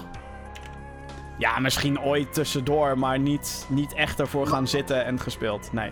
Echt, echt niet? Beide niet, GoldenEye niet? Nee, Gewoon nee. in multiplayer, Nee, maar in ik vind. Kijk, eh, eh, het, het, het kutte is. En dat vind ik ook van deze game meteen trouwens, om eh, met de deur in huis te vallen. Ik kan niet games op 10 FPS meer gaan spelen. Dat kan ik nu gewoon niet meer. Nee, ik heb het over destijds, hè. Ja, weet ik. Maar nee. Nee. Toen was dit heel mooi, namelijk. Ja, toen ja. Oké, Perfect Dark, vertel. Ja, Perfect Dark. Eh, een first-person shooter, eh, ontwikkeld dus door, eh, door Rare, die dus ook GoldenEye heeft gemaakt. En het idee was gewoon om een spiritueel vervolg te maken op GoldenEye, maar dan in de toekomst. Dus je speelt eh, Joanna Dark, dat eigenlijk gewoon een soort van James Bond-achtig personage is. En jij, eh, ja, jij schiet gewoon alles en iedereen kapot. En die story mode, eh, die was best wel leuk. Die kon je ook in co-op spelen, dat heb ik ook heel veel gedaan. En er zat natuurlijk ook een uitgebreide multiplayer modus in. En wat zo goed was aan die multiplayer, was dat je, je kon bots instellen. En die bots die kon je een persoonlijkheid meegeven. En dat was eigenlijk voor die tijd best wel een vooruitstrevend ding. En daar zat ook best wel een balancing in. Want je had een easy, je had een medium, je had een, eh, een perfect. Nou, perfect was zeg maar het hoogste. Eh, maar je had ook een dark sim. En je kon daarin zeg maar eh, een heel palet van verschillende bots kon je maken. En daar kon je dan een potje mee gaan spelen. En die, die dark sims en die perfect sims, die waren fucking moeilijk. Dus als je die zeg maar in de mix gooide met nog, nog vier andere spelers, wat je dan aan het doen was in splitscreen, eh, dan had je hele, hele interessante potjes. En ehm, je, je steeg dus ook met rang. Eh, dus als jij een potje had uitgespeeld en je hebt het heel goed gedaan, dan kon je zeg maar een nieuwe rank kon je omhoog. Eh, volgens mij was het hoogst haalbare was dan ook om perfect te worden. Dus dan was je rank was perfect. En nou, het idee was dus, vooral als je dan met vrienden aan het spelen was, en ik deed dat dan elke, elke lunchpauze op de, op de basisschool nog. Gewoon even, snel een uurtje. Het idee was dan ook om zeg maar, je vrienden steeds af te troeven. Dus als hij zeg maar eentje omhoog was met rank, dat je zoiets had van kut, nee, daar moet ik dan overheen. En het toffe was dus, omdat het dus een spiritueel vervolg was op eh, GoldenEye, was dat er heel veel eh, throwback in zat. Eh, heel veel levels, Temple, eh Felicity, al dat soort dingen die ook in GoldenEye zaten, die zaten ook weer hierin. En eh, bepaalde wapens die dan terugkwamen, maar net met een twist, omdat dit dan een sci-fi game was. Ik, eh, ja, eh, ik heb gewoon heel veel plezier gehad met het spel. En zelfs zoveel plezier, dat toen ik op kamers ging, tussen haakjes op kamers, toen ik, bij, toen ik student was, woonde ik bij, bij een paar gasten die dat spel destijds ook hadden gespeeld. Dus hebben we hem opnieuw in huis gehaald, Nintendo 64 weer aangesloten. En toen hebben we gewoon weer echt avondenlang, hebben we gewoon, en dan hebben we het denk ik over, nou het is nu 2017, hebben we denk ik over 2013, hebben we gewoon nog avondenlang, hebben we gewoon Perfect Dark zitten spelen. Fantastisch. Wat is, nou, wat is nou de gameplay gimmick waardoor je dit blijft spelen? Want wat, wat is er nou zo goed aan? Ja, wat ik zeg, het is, zijn dus vooral die, die multiplayer matches. Die je zo gevarieerd kan maken, omdat je die bot al die verschillende eh, persoonlijkheden kan meegeven. En je had eh, bepaalde sets aan wapens. Eh, dus je kon bijvoorbeeld gewoon eh, door een eh, reeks aan wapen, wapens doorscrollen. Zonder dat je dan zeg maar eh, zelf de wapens bepaalde. Je kon ook zelf de wapens bepalen. Je had heel veel eh, game modi. Eh, sommige wapens die waren gewoon episch. Die gaan gewoon geschiedenisboeken in als episch. Je had bijvoorbeeld een laptop gun. Dat was eigenlijk gewoon een, eh, een submachine gun. Maar die kon je ook zeg maar een soort van eh, weggooien. En dan werd het een soort van turret. En elke keer als dan iemand eh, naar jou toe liep. Of op jouw laptop gun afliep. dan werd die automatisch afgeschoten. En als je dus die laptop gun op hele goede plekken, zeg maar, wist te, te positioneren, eh, dan kreeg je de hele tijd een klap van links of van rechts, omdat iemand weer doodgeschoten was door jouw laptop gun. En eh, ja, wat ik zeg, er zaten gewoon hele interessante wapens in, eh, eh, verschillende speel, eh, speelmodi dus. Ja, gewoon genoeg om gewoon heel lang dat spel gewoon kunnen blijven spelen. En, En- de soundtrack is briljant. Ja, nou ja, ik, ik hoor het nu. Ik moet zeggen dat ik, niet, dat ik het niet... eh, nou ja, ik, ik heb er ook geen gevoelens bij verder. Gecomponeerd door Grant Kirkhope. De man achter eh Banjo-Kazooie, Uiteraard. eh, Donkey Kong, uh, Ukulele, GoldenEye waarschijnlijk ook. GoldenEye inderdaad heeft hij ook aan meegewerkt. Ehm, dus, en hoe zat het nou met dat vervolg? Want er kwam bij de launch van de Xbox 360. eh, Microsoft had Rare toen al lang overgekocht. yep. Dus het was toen een kwestie van tijd voordat er een Perfect Dark sequel kwam. De Ja. naam doet denken aan een prequel. Wat is er met die game gebeurd? Waarom was het geen hit? Nou, eh, de, de twee redenen voor mij. Eén, het had gewoon niet die charme die deel 1 wel voor mij had. En dat niet per se te wijten aan het spel. Want ik, eh, ik heb toevallig laatst heb ik Age of Empires 3 gespeeld. Eh, een game waarvan ik altijd heb gezegd, het heeft niet dezelfde charme als Age of Empires 2. Maar het is geen slechte game, snap je? Ja. En ook Perfect Dark Zero is in basis geen slecht spel. Het is een beetje de Iron Fist van de, van de Ja, nee, maar echt. Ja. Het is, het is helemaal niet zo'n slecht spel, maar omdat het gewoon niet Perfect Dark was. En dat klinkt dan heel erg pretentieus of zo. Zo van, ja, als het niet dat is, dan wil ik het niet. Dan wil ik het niet! Eh, maar dat was het gewoon niet. En eh, ze hadden ook grafisch, hadden ze iets gedaan. Eh, Joanna zag er ineens heel... Veel cartoony, was het, hè? Cartoony, ja. Het, het paste helemaal niet bij het volwassen spel dat Perfect Dark zeg maar wel was. Oh, ja. Dus ook qua, qua, qua stijl en het, het was ook niet meer gemaakt door dezelfde Rare mensen volgens mij. Want, Nee, Rare was toen al een beetje uit elkaar geklapt natuurlijk. brokkelde helemaal uit elkaar toen het naar Microsoft ging. Dus je merkte gewoon dat de ziel van het spel, wat wel in, eh, in GoldenEye zat en toen ook in Perfect Dark, dat is nooit overgeplaatst naar Perfect Dark Zero. Het was Echt gewoon, het idee alsof, een, gewoon eh, niet zo goed. alsof je een mod aan het spelen bent voor een andere shooter en dat noemt men dan Perfect Dark. Ja, en het heet dus Perfect Dark Zero. En wat mij betreft is dat een cijfer. Nou, nou, nou, nou, nou. Hey, ja, weet je, ehm, waarbij Perfect Dark een 1 ervoor had. Ik, ik, eh, ik, ik weet Dark wel dat, dat, dat Perfect Dark eh, ook naar de Xbox 360 nog gepoord werd. Net zoals, Xbo eh, net zoals Banjo-Kazooie en Ja. die zijn naar de Xbox 360 ook. Eh, eh, ja, klopt. Ik, eh, ik zou heb je die nog aanraden nu? Eh, ik heb hem één keer gespeeld, geloof ik. En volgens mij was het zo. eh, heel veel dingen in ontbraken ten opzichte van de 64-versie. Oh. Maar pin me daar niet op vast. Maar volgens mij was dat het. Hmm. Volgens mij was dat geen één op één poort of zo. Nou ja, dat kan ook bijna niet, want je kan geen games meer in 10 fps aanbieden, denk ik. Nee, maar ik bedoel meer van. Het, eh, het, het was gewoon niet hetzelfde. Nee, en eh, mis- misschien ben ik daarin zeg maar, zelf heel moe. Eh, ik gaf al het Age of Empires voorbeeld. Eh, dat als het dan niet meer hetzelfde is, dat ik dan ook gewoon zeg van nee, ik wil het niet. Nee, ja, precies. Ja, nee. Grappig feitje over Perfect Dark. Er was dus een andere sequel in de maak, Ja. die nog wel voor de 64 was. En Oh. eh, wat, wat daar zeg maar het verhaal achter is, en eh, daar zijn eh, leuke video's over te vinden.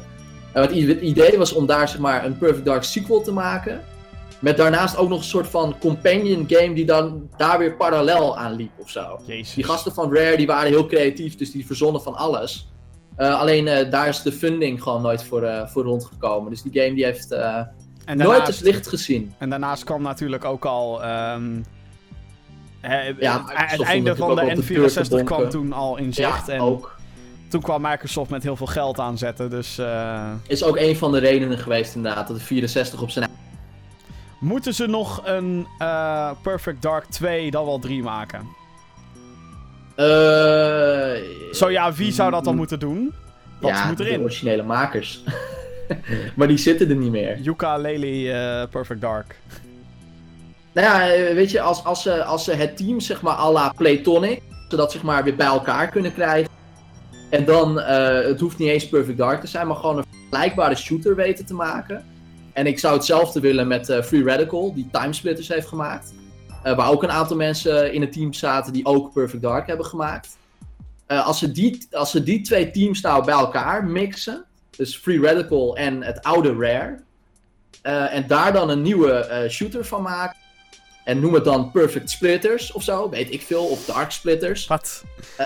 Ja, weet ik veel. Eh, doe iets leuks met die naam. Ik zou eigenlijk wel Machine Games erop willen zetten. Machine Games. De makers van Wolfenstein. Ja, Wolfenstein. Als zij inderdaad. Wolfenstein zo ter- kunnen terugbrengen, op de manier zoals zij dat hebben gedaan, dan moeten ze dat ook al vast lukken met een Perfect Dark of een Timesplitters of een whatever. Ja, ik, ik zou zeggen, ge- geef ze die licentie en eh, laat het... Ja. Die heb, die heb ik ook even liggen. Oh, nou, he- helemaal top. Opsturen. ja. Het was een grapje. Oh. Nee, maar Perfect Dark is echt, is echt heel, heel diep jeugdsentiment. Oké, vandaar. Ja, echt Dat- basisschool. dat is genoeg.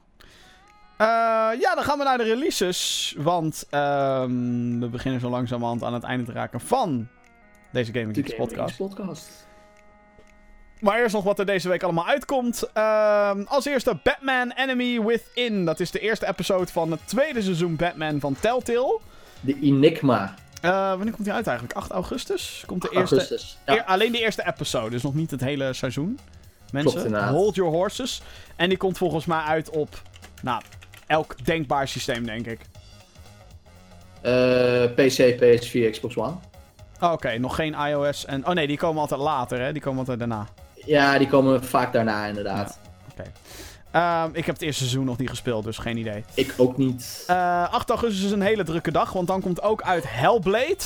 Woehoe! Nieuwe game van Ninja Theory, de makers van DMC Devil May Cry, de reboot. Die niet zo slecht is als dat iedereen beweert. En Heavenly Sword. Heavenly Sword, zo, dat is lang geleden. Ja, Ehm, een oudje. Dit is een, een game die echt eh, grafische pracht en praal moet voorstellen. Het is een beetje... eh, kut, Horizon Zero Dawn is al uit qua, qua design. Ehm, ik moet alleen wel zeggen, ik heb dus zo'n clipje gezien. Mhm. Een gameplay clip van deze game. Een soort van... Ja. ehm, het is zeg maar alsof je het character design pakt qua Aloy van Horizon Zero Dawn. En dan Mhm. vervolgens de camera, het camera standpunt uit de nieuwe God of War. Ja, Zo ziet nee, het eruit. klopt. Alleen, ik heb dus een gameplay clip gezien. Waarin die chick letterlijk 10 minuten lang op één monster aan het rachen is. En dan denk ik, nou, als de game zo gaat, dan heb ik er echt geen trek in. Jezus, 10 minuten. Ja, Maar 10 minuten à la, à la Dark Souls 10 minuten of 10 minuten gewoon... nou ja, echt gewoon 10 minuten. Ja, ja, ja, dodge. Ja, ja, ja, dodge. Ja, Ah nee, dat- ja. daar, daar ben ik ook niet voor te paaien inderdaad. Dus, maar eh, ehm, ik, wat ik, ik ben wel geïnteresseerd in deze titel. Ja, nou, ik, Ik ik, ben wel ik, heel ik nieuwsgierig. ook wel. Want, nou ja, de graphics zien er fucking mooi uit. Maar als de gameplay oertering saai is, dan heb ik er Ja, echt, dan valt eh, het wel uit elkaar. echt absoluut geen trek in. Dus ja. Nee, Eh, afwachten. Ja, zeker. Eh, dan, ook nog op 8 augustus, de Mega Man Legacy Collection 2. Voor de PC, PlayStation 4 en de Xbox One. Ehm, er was al eerder een Legacy Collection. Dat was Mega Man 1 tot en met 6. Alle Nintendo NES Mega Mans waren toen gebundeld in deel 2. Dus die, die ene die 8 augustus uitkomt. Ehm, daar zit Mega Man 7, 8, 9 en 10. Dus de Super Nintendo game, de PlayStation 1 game en de twee downloadable Wii games die weer teruggaan naar 8-bit. Opvallende collectie. Waarom Ja, ik niet denk voor dat er de... nog wel een deel 3 komt. Ja, dat denk Ja, Mega Man X Legacy of zo. Legacy X. Zoiets, ja. ja. En eh, mijn grote vraag. Waarom is dit niet op de fucking Nintendo Switch? Ja, Perfect platform hiervoor. goede vraag. Whatever. Eh, dan ook op 8 augustus Sinamora EX. Voor de PC, PlayStation 4 en de Xbox One. Dat is een side-scrolling shoot-em-up à la R-Type. Ken je die nog? Eh. Maar dan gere-released. Want de game is van origine eh, uit 2012. Toen voor Xbox 360 en PlayStation Network, geloof ik. Eh, PS3. Wat moet die smuk kosten, hè? Ik heb ge... oh, wacht. Ik zag volgens mij net op Steam. Ik ben, wel, ik ben namelijk wel heel nieuwsgierig hoe, hoe ze dit opnieuw... Cinemora Maar dat het een oude, EX. oude game was. Even kijken. Nou, er staat nog geen prijskaartje bij op Steam. Via Handig. vol. 17,99. Oh, dat vind ik wel echt te duur voor zo'n game. Ook als je naar die trailer kijkt, is het van... Ja, dit is vijf jaar oud. 20 euro bij bol.com. Oei, Ja, dus eh consumentenadviesprijs is waarschijnlijk gewoon eh 20 90. euro. Ja. Ja. Komt dan Nee, ook naar de Switch, eh, maar, maar wanneer, dat is eh, nog niet echt bekend. Nee, nee, dit, eh, ja, 20 euro is wel veel. Als je ziet wat je op Steam kan halen, of in de PlayStation Store. Voor 20 Nou, neem, neem, nou Hellblade als voorbeeld. Dat spel is 35 euro. Ja, maar dan, ga, dan ga je wel even 29,99. een prijsklasse erboven, hè? Hey. Ja, jawel, maar ik bedoel 10 euro erbij en je hebt gewoon Hellblade. Ja, oké, true. Ja. Dus, Maar goed, of Hellblade dan ook daadwerkelijk de moeite waard wordt, is natuurlijk ook nog maar de vraag. nee, maar daar, daar zit in ieder geval meer werk in. Ehm, ja, ja, het is geen eh, remaster van een. eh, van een vijf jaar oude game in ieder Fucking geval. oude game. Nee. Het ziet er wel fucking mooi uit hoor, die Hellblade, jezus. Ja, ik weet het. Ik vind het heel knap wat ze hebben gedaan. Ik zou het ook gewoon absoluut niet op de, PC, of op de PS4 spelen. PC. Oh ja, je wilt het natuurlijk eh full-blown 4K Hallo. op de ja, nou, PC. mijn monitor kan het niet handelen, maar wel in ieder geval op eh, hoge framerates en een eh, beetje goede anti-aliasing er bo- bovenop. Ja, precies. Dat eh, zou ik dan doen. En een game die ook naar de PS4 en de eh, PC komt. Ook op 8 augustus, verrassing. Lawbreakers. Ja, ja, ja, ja, Ja. ja, ja. De nieuwe Dat is die shooter, shooter, toch? Ja, de nieuwe shooter van Cliff Blazinski en Arjan Brisset. Oftewel het sterrenteam achter ooit Jazz Jack Rabbits. En daarna uit elkaar gegaan. Arjan Brisset heeft toen eh, eh, een soort van guerrilla opgezet. Lees Killzone.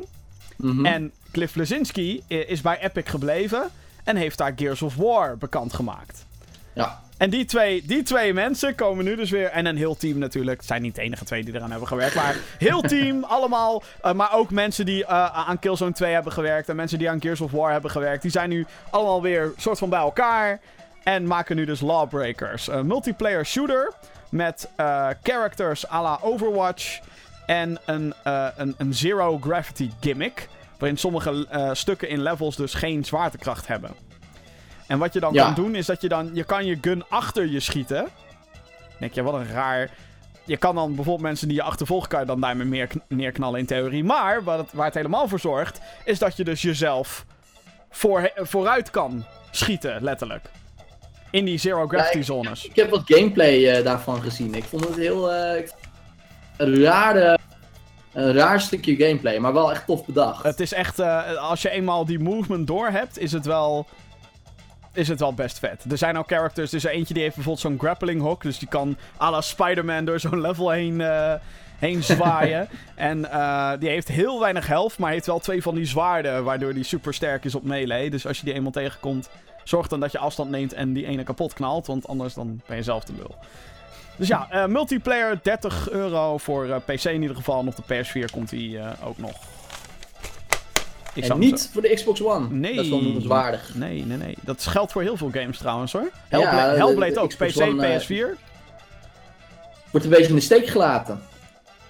Nee, ja, maar ja, er zijn dan ook weer andere games die dan alleen naar PC en Xbox One komen. En dat zijn dan natuurlijk voornamelijk de Ubisoft-titels. Maar, of de Ubisoft-titels, de Microsoft-titels. Voor mij nou.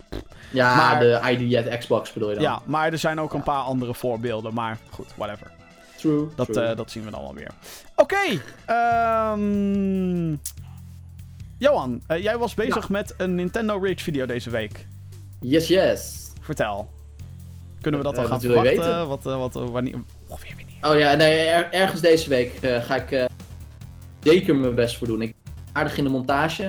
Montage. Ik wacht nog op één, op één ding van, van Vincent, maar misschien dat de server inmiddels aanstaat. Dan kan ik het zelf even downloaden. En dan, dan kan ik hem redelijk snel af. Oh, spannend. Ik, Ja, ben ik ben, bezig... ben wel heel benieuwd naar de reacties op deze. Ja, ik ben bezig met mijn Owlboy review. Die zit ook in de montage. En ehm ja, ik ga proberen Friday the 13th te fixen.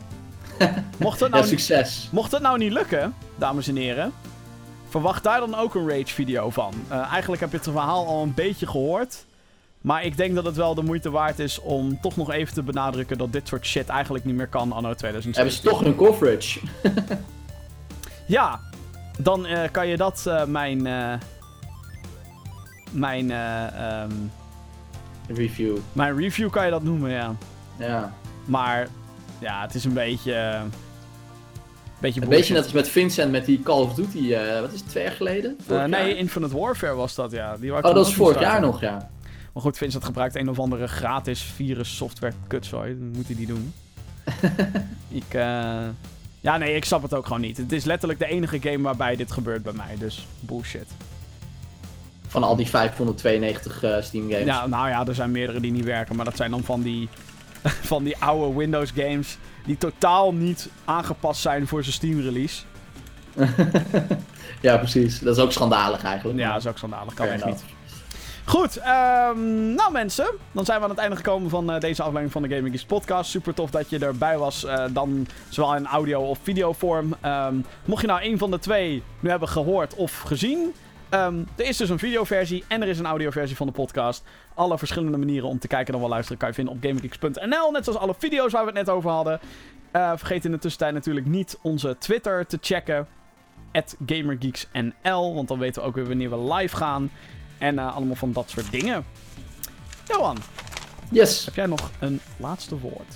een laatste woord. Eh, geniet nog even van de zondag. Het lijkt mooi weer. Dus Ja, op het moment van opname. Op het moment van dit opname inderdaad. hoort. ja, whatever. Ik hoop dat de Leeuwinnen gaan winnen. Ja, ik eh, hoop het ook voor je. Fijne, fijne wedstrijd. Ja. Oké mensen, eh, bedankt voor het kijken en wel luisteren naar de Gaming Geeks podcast. Tot de volgende keer. Later.